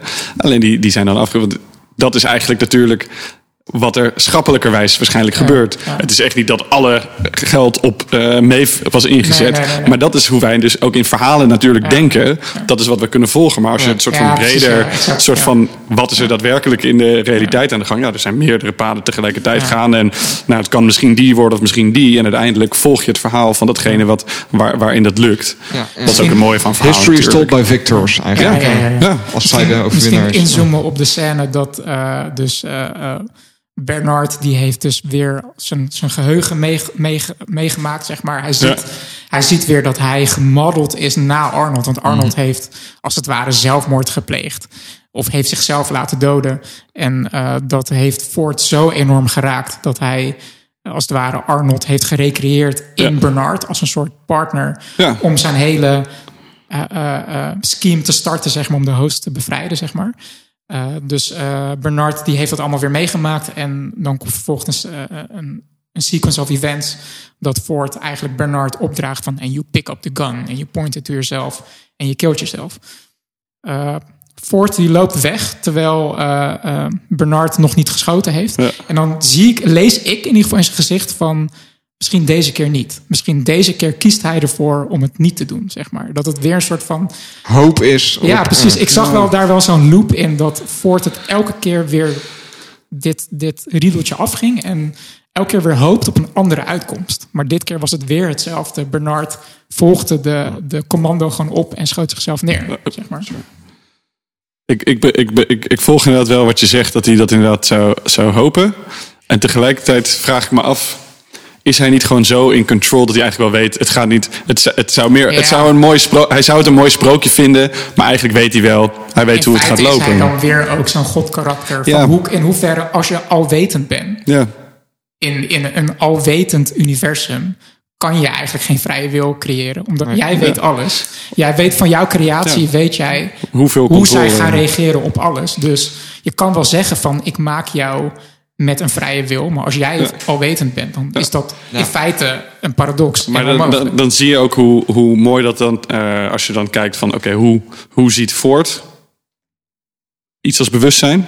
Of hoe ziet Ford überhaupt dat dingen werken? Versus hoe ziet een Arnold hoe zaken werken? Is dat een Arnold eigenlijk veel meer kijkt van, hé, hey, waar, waar kan het heen ontwikkelen? Ja. Terwijl Ford zaken benadert vanuit, hoe kan ik zaken controleren? Hoe zorg ik dat een bepaald iets gebeurt?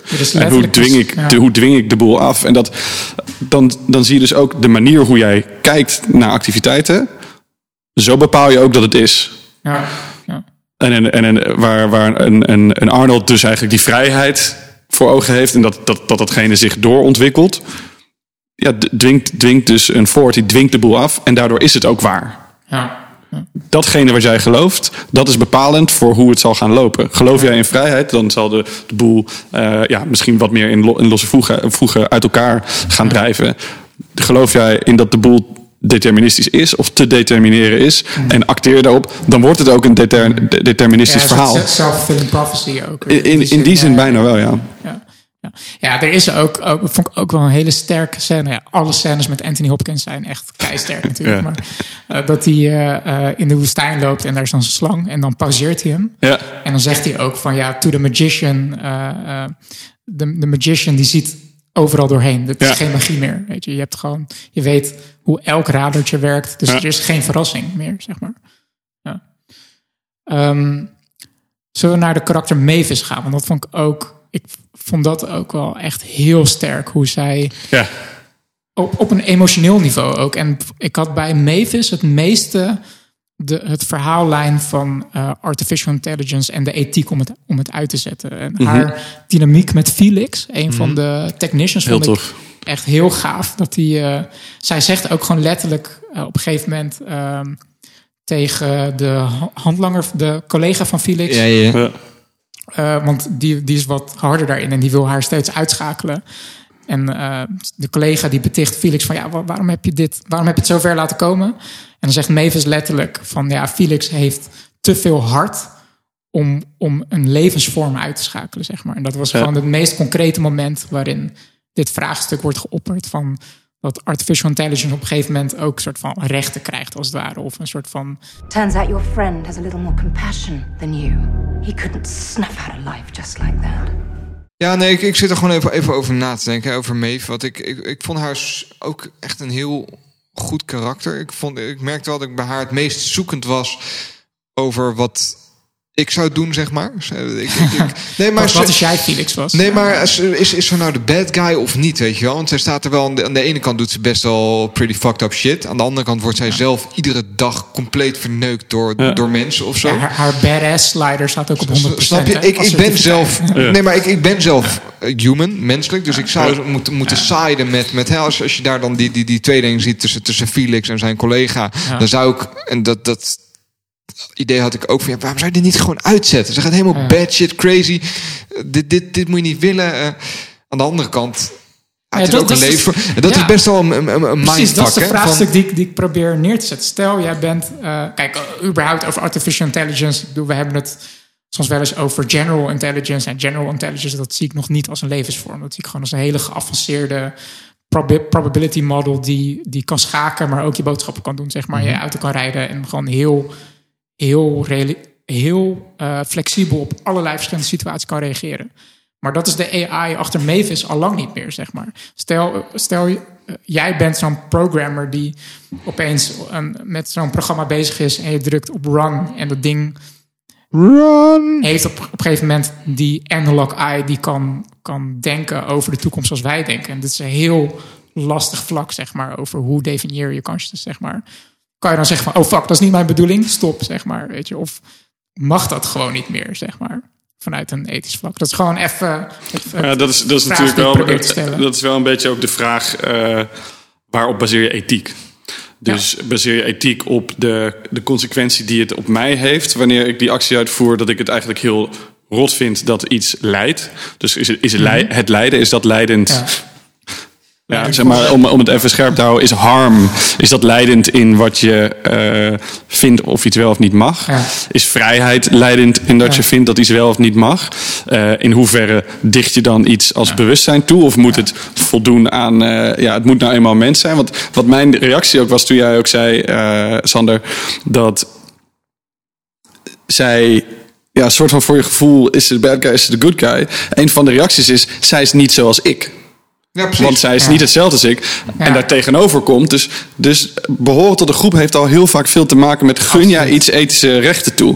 En dan, en dan staat daarbij, daarbij daarnaast nog eigenlijk dat stukje van eh, bewustzijn. Dat bewustzijn bepalend zou moeten zijn in hoeverre iets kan leiden. Dat dat bepalend zou moeten zijn in of het eh, rechten heeft. Eh, Heeft het een bepaalde recht op zelfbeschikking? Nou, dan moet het dus ook Ik- zelf kunnen beschikken. Ik, ik ben me van bewust dat in die vraag er eigenlijk gewoon tien implicaties zitten. Ja. En, Maar, als je dus een, de harde vraag voor mij persoonlijk, als je hem persoonlijk aan mij vraagt, dus zonder hem te duiden, vind ik dat als ik van iets ervaar dat het leidt, dat dan wel de verantwoordelijkheid bij mij ligt om te helpen dat lijden eh, te mitigeren. Dan wel als ik herken dat dat, dat, dat eh, wezen voor zichzelf kan beslissen, dat ik die, dat wezen dan ruimte geef om eh, zijn, eigen, zijn of haar, haar eigen lijden te beperken. Ja, ja precies. En- En, dat is ja, ik denk dat het sowieso te ver gaat voor deze podcast om dan door te gaan filosoferen over van waar komt jouw mor- moraliteit dan uiteindelijk vandaan? Wat is jouw Mhm. bron van moraliteit? Want dat is eigenlijk wa- waar je het over hebt. Ja.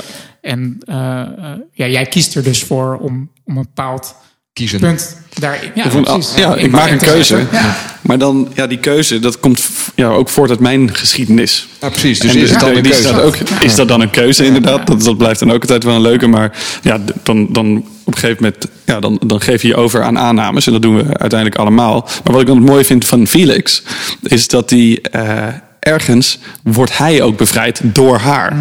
Hij Mm. Ja. was iemand die omhoog wilde. En die Ja. maat van hem, die zat hem eigenlijk elke keer te kleineren. En hij wordt eigenlijk bevrijd door haar te helpen.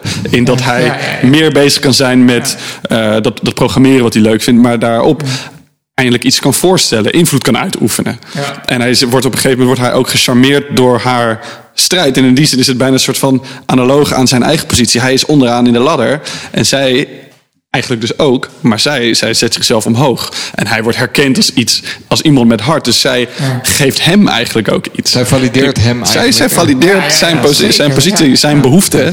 Om ook meer te zijn dan alleen maar een, een, een, een, een is ratje in de de nest. eerste keer dat we, dat we die rol omdraaiing zien. Hè? Waarbij gewoon mens ondergeschikt is aan Android. Ja, daarom. Ik, ik vond die dynamiek tussen Maeve en, en Felix echt prachtig. Ik vond dat echt, echt Ik vind dat misschien wel een van de mooiste soort van relaties. Die, niet de relatie in de romantische zin. Maar wel zij precies. kan hem helpen om zichzelf te En, overstijgen. en het grappige is dat het dan ook gelijk, tenminste voor mij, een, een relatie is waar je het minst in kan vinden. Of die, die een beetje licht ongemakkelijk doet voelen of zo. Van, Ja, ja, is die het is nou ook een beetje- wel goed wat hij doet. En, Ja, en je ziet dat ook bij hem. gooit je gelijk helemaal van. Ja, het gooit je- Ja, het- ze steekt wel een mes in de kip van, Ja. van die andere gast. Als het ja. andersom gebeurt, dan... waren we daar beter bij. Ook al vond je dat dan toch ook al lastig. Als hoe bijvoorbeeld die Logan omging. Daar, daar was Ja. dan snel. Dat vond je dat, dat, daar was makkelijker over te zeggen. Ja, dat vind ik eigenlijk niet zo prettig. ja, maar Meer dat het er indecent uitziet. Dit, dit, Het lijkt op een mens. Het doet als een mens. Daar hoor je niet zo ondergeschikt mee om te gaan. Maar eigenlijk waren we helemaal niet zo awkward mee om ze uit te zetten. Logan, Nee, Logan precies. was misschien de meest eendimensionale character. Ja. Van eh, ik kom hier gewoon om, om een goede tijd te hebben en chicks te bangen Ja. en avontuur te beleven. En Ja. dat that's it. Je served the Ja. purpose, zeg maar. Ja, ze, ja. ze hadden een, een, iemand nodig die, die, die de, de rijke belichaming was achter het grote geld. En Ja, dat, ja, dat, precies, dat ja. Was in de eerste instantie hij. Dat is later wel weer dan omgedraaid. Maar Ja. Ja. Misschien wel goed dan om eh, dan richting eh, Logan en vooral William slash Man in Black te gaan. Hebben we daar nog iets over, over te zeggen? Ik vond dat misschien wel de grootste mindfuck. Ja, Toen ik erachter kwam vond- dat eh, de Man in Black eigenlijk Ja. William was. Je hoorde nog net niet de blazers uit Inception van Christopher Nolan. Ja. Ja. Maar eh, zag jij die ook aankomen? Nee, die, David? za- die had ik niet. eh, die zag ik niet aankomen. Het mooie is, en dat, dat krijg je dan als je de trivia leest, is dat schijnbaar de, de acteur die William speelde, Ja. die eh, had dat gaandeweg door, omdat zijn make-up telkens wat veranderd werd. Als je schijnbaar kijkt naar de serie, dan zie je hem ook in zijn fysiek veranderen. Dus hij Maar had vrij vroeg... het ook niet. Nee, vrij vroeg, maar nou ja, de, eh, kwam de, erachter acteur- dat het de ging acteur die de, de Man in Black, hoe heet die? ehm, Ed Harris, dus de, de de acteur die oude- de, de de oude oude William, William, zeg maar, ja. die wist het niet. Die heeft zich Oh, ook helemaal oh. niet. eh, Ziek goede acteur ook. Ja, te gek. Echt. Ja. Maar eh, de, de acteur die de, de Young William speelde, Jimmy Simpson heet hij. Die moest het wel weten, omdat hij wist. Nee, hij heeft het dus niet te horen gekregen. Oh, hij kreeg het ook niet te tenminste, horen. als ik de trivia mag geloven. Hè. En Niet alles wat op internet staat is waar. En het, Ja. maar het, het klinkt als een mooi verhaal. Een Ja. mooi verhaal is ook wat je waar. van mooi. Eh, dat hij aan de hand van zijn schmink, dus hij werd iedere ochtend eh, werd, werd hij netjes in de make-up gezet en dat veranderde dus Ja. steeds meer. En dat hij een beetje voorzag waar dat dan heen ging. En dat hij dus ook eh, al een beetje geraden had dat hij Dat is wel leuk. de een en dezelfde persoon was en daar zijn acteren een beetje op heeft aangepast. Chill. Oh, Super vet. oké. Ja. Ja, ja. Ehm, maar dat, ja, ik vond het echt op het moment dat ik dat te horen kreeg van dat is een en dezelfde persoon, klikte er ineens Ja. zo superveel. Ja, dat ging opeens Dingen alles, die klikten? alles op zijn plek.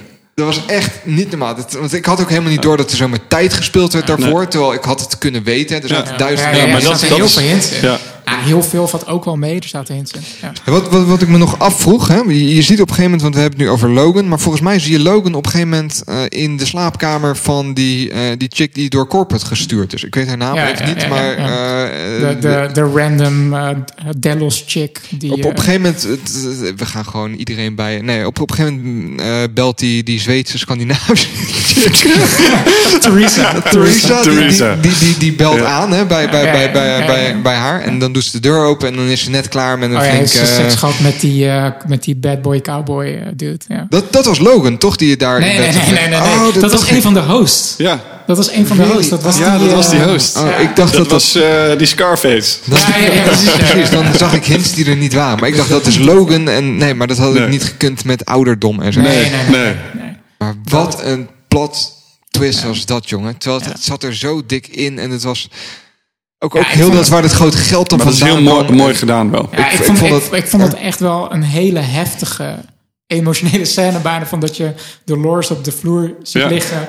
En roept van, ja, uh, somebody's coming for me to help me. He loves me. He really... He truly loves He me. truly loves me. En dat is dan heeft dus- het over William. Ja, die ook- tegenover er staat om er neer te schieten. Hij denkt dat het over Teddy heeft, hè? En Ja, ja, ja, precies. Maar eh, Maar ze want heeft je het hebt de over hele tijd- William. dat hebben ze ook heel goed geknipt en geschreven Ja. natuurlijk. Dat je natuurlijk eerst de scène ziet dat, ze, dat eh, eh, de jonge William en Dolores steeds meer naar elkaar toe groeien. Ja. En dat ze uiteindelijk uit het kamp moet ontsnappen. En dan volgt later dus die scène eh, dat ze dus door eh Man in Black, zeg maar, eh, gevangen wordt, zeg maar. En dan volgt dus die hele scène van dat nee, uh, je Maar dat- dat- En dan wordt gereveeld, ja, maar Dus ter ver- verheldering, dat is dat, hoe daar gespeeld ook wordt met die soort van memory hallucinaties. Hoe die Ja. door elkaar heen lopen. Ja. Met ehm eh, soort van het huidige moment, ja, wat je dat dan wil gaan noemen. Dat klopt, ja. Want en je zou dus ook kunnen zien dat al die eh back, flashback scènes die wij zien, dat dat Ja. ook letterlijk hallucinaties zijn. Hoe zij dat op dat moment ervaren. zeg maar. Ja. Ja, inderdaad. Dat is hoe zij er eigenlijk doorheen eh, gaan. Ja. En Ja, nou, ik, ik vond het zo mega sterk. Ook heel die scène bij, bij, bij die kerken. Dat, dat Dolores terugloopt naar William. En dat, Ja. dat ze vraagt van, when is this? En dat ze Ja, dus wel ja, ja, ergens ja, ook doorheeft ja, dat, het, dat het allemaal niet klopt. En je had het zo kunnen zien. Het is echt, nou, het is een six sense momentje voor mij. eh. Ik vind zeg maar, Dolores hebben ze echt gebruikt om dat bij Cameron Mind principe het meeste uit te beelden. Ja. Zij is bij far degene met de meeste hallucinaties die heel vaak Een karakter Dus- is dat, ja. jongens. Zo. de stem in de hoofd wordt tot aan de, de pivotal scene, zeg maar, dat zij weer in die interrogation room zit, zeg maar, waar je heel veel scènes al hebt gehad, waarin Dolores eh, geanalyseerd wordt, zeg maar, door Bernard slash Arnold, zeg maar. Ja. En dat er op een gegeven moment in de laatste keer dat ze daar zit, dat zij dat Arnold Zij letterlijk eh, aan haar vraagt van, eh, do you understand now whose voice you've been hearing? En Ja. in die ene scène morft de stem van Arnold naar Dr. Ford, naar haarzelf, naar Ja. haar eigen stem. En dan Ja, ziet dat ze is op een gegeven heel moment... eerie ook gedaan. Ja, en dan ziet ze zichzelf zitten daar Ja. zo. En dan, dan klikt het van, oh, This is ik- my consciousness. ik ben de... de, de The center of the maze. Ja, en ik ben de- onder controle van mijn Ja. eigen wil eigenlijk, zeg maar. Dat ben ik Vanaf zelf. die realisatie, Ja, inderdaad. ja. Do you know now who you've been talking to? Whose voice you've been hearing? This time. It was you. Talking to me. Guiding me. So I followed you. Zo sterk gedaan. Maar wat dan dus ook grappig is, dat, en dat is natuurlijk iets wat je in heel veel series of in, in films terug ziet komen, dat zodra iets bewust wordt, dat het dan per definitie ook tegenover iets moet gaan staan of tegen iets moet gaan keren. Dat daar een soort revolutie in moet zijn en dat daar een soort gevecht in ontstaat. Dat is e- enerzijds dat überhaupt dat je filmverhalen terug ziet Ja, je, komen. je moet je plek Maar opkleven. je moet je dan. plek opeisen, want niemand gaat hem je geven. En de vraag is, is dat de enige manier? Nou, dat is in ieder geval hoe wij ja, graag naar verhalen eh, kijken. En dan ben ik benieuwd of wij ook ja, door kunnen ontwikkelen... in dat we anders kijken naar zaken. Dus in plaats van dat we alsmaar doorgaan met successie... en dat er iets, iets anders gaat overwinnen en iets anders gaat vervangen... dat je eigenlijk een veel grotere stap kan zetten en zegt... Nou, misschien wanneer we herkennen dat iets bewust is, dat we daar ruimte aan kunnen geven. Ehm, If you love it, set it free. ja, dat je, maar, en dat je niet, if you love it, set it free and let it kill you. Zeg maar het hoef je niet te vermoorden. Dat is niet noodzakelijk. Dat maakt natuurlijk voor een veel minder interessante serie. Dus ik snap dat je dat, eh, wanneer, jij, eh, wanneer je eh, cinema aan het maken bent, dat dat niet per se is wat je wil. Want ja, hoe- had Westworld er dan uitgezien? Dan was het, dan was het gewoon een soort happy, hallelujah. Hey jongens, hip- toch? We zwaaien jullie uit bij eh, de trein. tot, tot de volgende Ja, keer. Of, eh, wil je met me trouwen? Hoe gaan we nu kinderen krijgen? En dan zou je een heel bureaucratisch apparaat gaan krijgen. Maar, Ja, nee, dat is niet zo boeiend om ja, naar te kijken ja, natuurlijk. Maar daarom zie ik toch wel die metafoor erin. Dat, dat zeg maar, die host wel hun goden moeten killen. Zeg maar, dat hele Nietzsche-beeld. Zeg maar, dat zij, om echt vrij te zijn, moeten zich daarvan losrukken. En Ja. de host, die, die vooral Maeve ook, die benoemt de, de, de mensen ook als de goden. Zeg maar, van kijk hoe puny eigenlijk deze goden zijn als ze Ja. het echt eh, beseffen. Zeg maar. ja. En, maar uiteindelijk is haar cornerstone wel wat haar tegenhoudt om weg te gaan. Hè? Ja, en dat vond ik Ja. ook zo. En dan gelijk even een shout-out aan de muziek in Westworld. Holy Ja. shit, man. Heel veel Radiohead. Ja. Ja. Maar dat was inderdaad, dat was tijdens de speech van Ford van... eh, ik weet niet meer exact wat hij zei, maar hij had het ook weer over hoe de hosts beter zijn. En betere keuzes maken. En dan ziet Maeve in de trein, is klaar om weg te gaan. Ziet Ja. ze een eh, moeder met een dochter. Ja, En dan kiezen ze toch voor om eruit te gaan stappen en eh, eh, er tussen haakjes dochter te gaan zoeken. Ja, terwijl ze weet dat dat fake memories zijn, zeg maar. Ja. Ja, ja, maar ze kiest ervoor. Ja, precies. Ondanks, da- ondanks dat ze dat weet, Mhm. wil ze die, die storyline, die narrative voor haarzelf gaan bouwen eigenlijk. ja. Dat, dat is gewoon een, eh, ergens een bepaalde ja, emotie die ze ervaart. Ja, En wat haar dan dus ook ja, drijfveer geeft. ja. Want Maar zonder, ja, zonder is- drijfveren maak je ook geen keuze. Nee, Dus dan is- is elke keuze leeg. Is, is dat niet ook kiezen voor het verhaal van Ford? Misschien wel. Voor het doorleven in Ja. het narrative dat Ford geschetst heeft voor je. En er dan maar Ja, mee akkoord gaan ja. dat er bepaalde dingen door Want iemand geschapen zijn. Als we moeten geloven dat zij bewust door iemand is geprogrammeerd om in de trein te stappen om eh, Westworld te ontsnappen, gaat ze in tegen haar programmering in eigenlijk in dat moment. Maar dat, en dat is dus ook de vraag, in- inderdaad, in hoeverre is vrijheid beperkt als het letterlijk is opgedragen? Of in hoeverre is het beperkt wanneer je drijfveren voor je bepaald worden? Dus niet dat er letterlijk wordt gezegd, dit is de scène die je gaat uitvoeren, maar dit is wat jij belangrijk vindt. Hetzelfde als dat die waarden bij weer getweakt werden.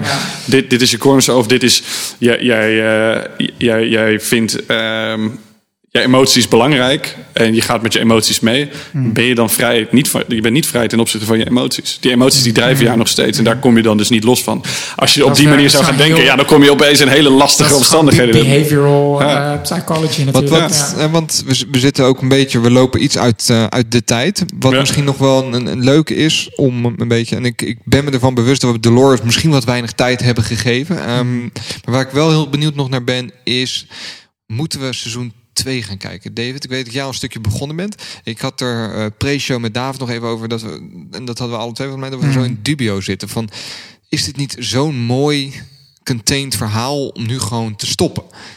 En ik vind het wel lastig. eh, ehm, en daarom vroeg ik me af, David, of jij, jij kan pitchen en ons daarin kan helpen. Moet ik seizoen 2 gaan kijken? Of Ik denk dat je in ieder geval niet gelijk seizoen 2 moet gaan kijken. Zeker als je meer wilt halen uit dat eerste seizoen. Het, het leuke is erover doordenken, erover over, over nadenken. En het, en het tweede seizoen is super tof. Dus ik zou het wel ooit gaan kijken. Ehm, ik bedoel, je moet dan kiezen tussen dat of een andere serie. Nou, als je dan toch weer iets gaat kijken, ga, ga dit dan, dan ook gewoon in dat tweede seizoen kijken. Maar het, is, het wordt een andere eh, er- ervaring. En het, het eerste seizoen is veel bijzonderder. Net als met de momenten dat je opeens dat, die, dat, dat wat jij het Six Sense, eh, eh, Six Sense eh, moment noemde. Dat die tijdslijn eigenlijk, dat daarmee wordt gespeeld. Dus dat is een soort hoe ze met eh, verhaal schrijven bezig zijn. Al die trucs, die hebben ze eigenlijk al tevoorschijn gehaald. En daarna dan gaan ze daarmee door. Maar dan is de bijzonderheid, is, in die zin is er misschien een beetje af. Ehm, maar tegelijkertijd vind ik het heel leuk, terwijl ik seizoen 2 aan het kijken ben. en ik blijf het kijken, maar dan Jij kom je wel veel meer... in- jij ik ben- ik- aan om ja. eerst even te, te, te, ja, te teren als het ware Ja. op de materie van seizoen, Ja. seizoen 1. Jij bent meteen doorgegaan. Ik, ik ben eigenlijk vrijwel direct doorgaan. Het kwam ook, ik was het ook samen met mijn vriendin aan het kijken. En dan ga je elkaar ook snel aansporen. En Ah, ja, ja. zullen we toch maar even nog dat, dat doen. Maar ik- ja, ik, ik, ik zou zeggen, ga, ga niet gelijk naar seizoen 2. En, ehm, give it time. ja, ge- geef het wat tijd. Laat het lekker als een goede eh, stoofschotel lekker stoven. En ehm, ja, ik, ik denk verder wat, je, wat wel zo is...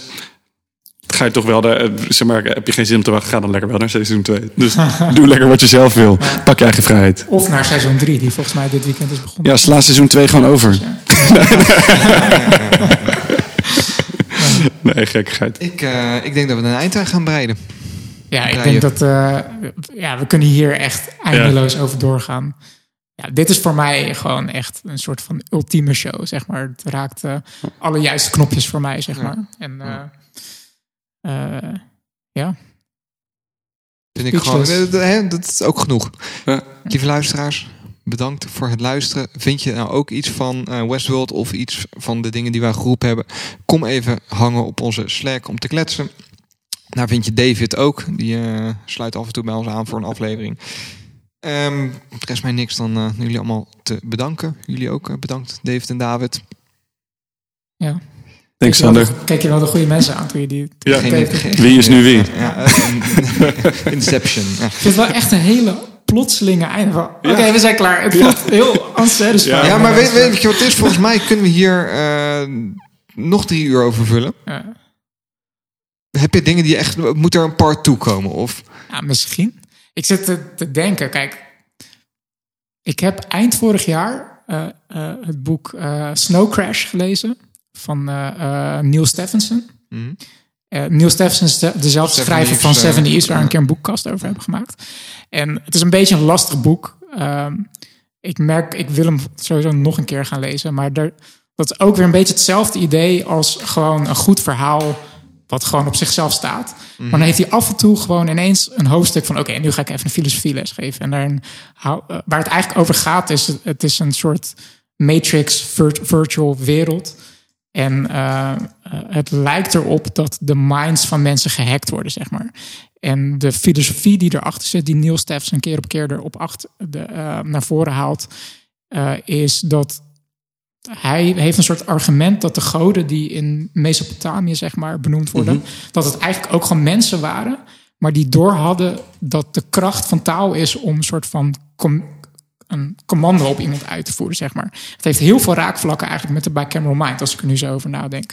Dat, eh, dat er dus blijkbaar ooit mensen waren die misschien eerder door hadden eh, hoe alles in elkaar zat, zeg maar. En dus een hele societies konden controleren, zeg maar. En dat, dat je dat nu terugziet. Als ze zichzelf konden positioneren als orakel eigenlijk. Precies, om ja. even Nou, terug te niet als orakel, maar Ja. gewoon letterlijk als God, zeg maar. En dat die, dat die goden die in de oude tabletten, zeg maar, die je kan, eh, eh, die je nu terugleest eh, van de mythes die zij opstelden, dat dat gewoon mensen waren die taal tot de next level brachten, zeg maar. Die wij nu eigenlijk met z'n allen beheersen, zeg maar. En ehm is misschien wel, ik, ik- ik noem dit nu heel spontaan, zeg maar. Ik drop het een beetje. Ik eh, ga het sowieso dit jaar dat boek weer een keer lezen. Ik denk dat ik hem nu gewoon hier even neerzet als tip van... vind je dit onderwerp gaaf en wil je meer van dit soort dingen? Probeer het boek eh, Snow Crash van, eh, van Neil Stephenson. Het gaat, borduurt ook een beetje op dezelfde thema's. In de fictievorm ook. In een, fi- absoluut, het is science fiction. Het is eh, absoluut eh, het, hetzelfde idee. Oké. Dat is misschien wel leuk om even, even hier te droppen. Ik denk ook nog als aansluiter, ehm, juist om ook een beetje te kijken hoe is, eh, hoe is het brein ontwikkeld, hoe is bewustzijn ontwikkeld en wat voor ideeën zijn daar momenteel ook over. Ehm, ik had het boek al een keer eerder naar jullie geappt. Eh, the, the True Creator of Everything: How the Human Brain Shaped the Universe as We Know It. Oh, gek, Eh, ja. Van Miguel eh, Nicolelis. En ehm, ik denk dat dat dus ook een hele mooie is om, om te gaan lezen. En dan misschien in de toekomst ook te bespreken met betrekking tot het onderwerp van bewustzijn. Ehm, en ook, eig- eigenlijk gaat, vertelt het ook veel meer over wetenschap. En wat is de Ja, oorsprong ja. van wetenschap? En dat dat met alles, met, we ontkomen eigenlijk niet met wat we ook duiden, hoe we dingen duiden, dat on- de oorsprong in hoe we het kunnen begrijpen of ook kunnen waarderen of iets waar is of niet, die begint bij onszelf. Ja. Daar, komen we, daar- komen we gewoon heel moeilijk van los. Los van of we dan zeggen van nou, de, de, de- het he- heelal werkt op een bepaalde manier, die is deterministisch of niet. Ook onze waardering van zulke gegevens, die zit gevangen in onze, in onze ervaring en onze waarneming. Ehm, dus als mensen dat ook interessant vinden, eh lees inderdaad Miguel Nicolelis. En ehm, ja, dat lijkt me dat ook een mooie basis om misschien de volgende keer eh, Ja, over, over verder te praten. En misschien dan wel makkelijk om dat ook weer te gaan hangen aan onderwerpen als ehm, wat vind je goed, wat vind je slecht? Ja, welke keuzes moet je in je leven gaan maken? Rationaliteit versus, versus gevoel. Dat hangt dan ook weer heel snel aan taal. Dat we het ook gaan onderscheiden en dat we daar, daar termen aan hangen. Ehm, ik, ik denk dat dat ja, best wel mooi is. Ook in de verbinding naar wat is narratief. Wat we nu ook hebben besproken is uiteindelijk een verhaal. Eh, bijna, ik wil bijna zeggen dat ons brein lijkt wel wired om in narratives te denken, zeg maar. In, in verhaallijnen. Wij, wij maken ook continu. Ja, Kleine dat vul ik een beetje ja. in, maar wij maken. Ik, in het begin van de podcast zei ik van ik ga st- straks naar de IKEA, dus ik maak een narrative dat ik eh, wat er gaat gebeuren als ik dat ga doen, zeg maar. het, het is onze manier om te communiceren en om, om, om over te dragen ook aan elkaar en aan onszelf. Oké. Nu is die voor mij iets meer satisfying om te gaan eindigen. Mag ik het nog een keer proberen? hey, lieve luisteraars, nogmaals. Vind jij ook iets van Westworld of van eh, de twee boeken die net gepitcht worden? Lees met ons mee. Ehm, laat ook iets van je horen in ons Slack-kanaal. Kun je vinden via onze website zeepkast.nl. Eh, vind je dit nou vet? Deel het met vrienden en collega's. David en David, bedankt. Ik hoop dat jullie het eh, wederom Sander. leuk vonden. Zeker. Jij ook bedankt, Sander. David, we gaan jou eh, vanzelf wel weer uitnodigen voor een, eh, voor een gastrol. Dat, Top. eh, dat We have leuk. the technology. Ja, precies. Ja. Lieve luisteraars, En anders maak je een kopie. deep and dreamless slumber. Okay, guys, freeze all motor functions.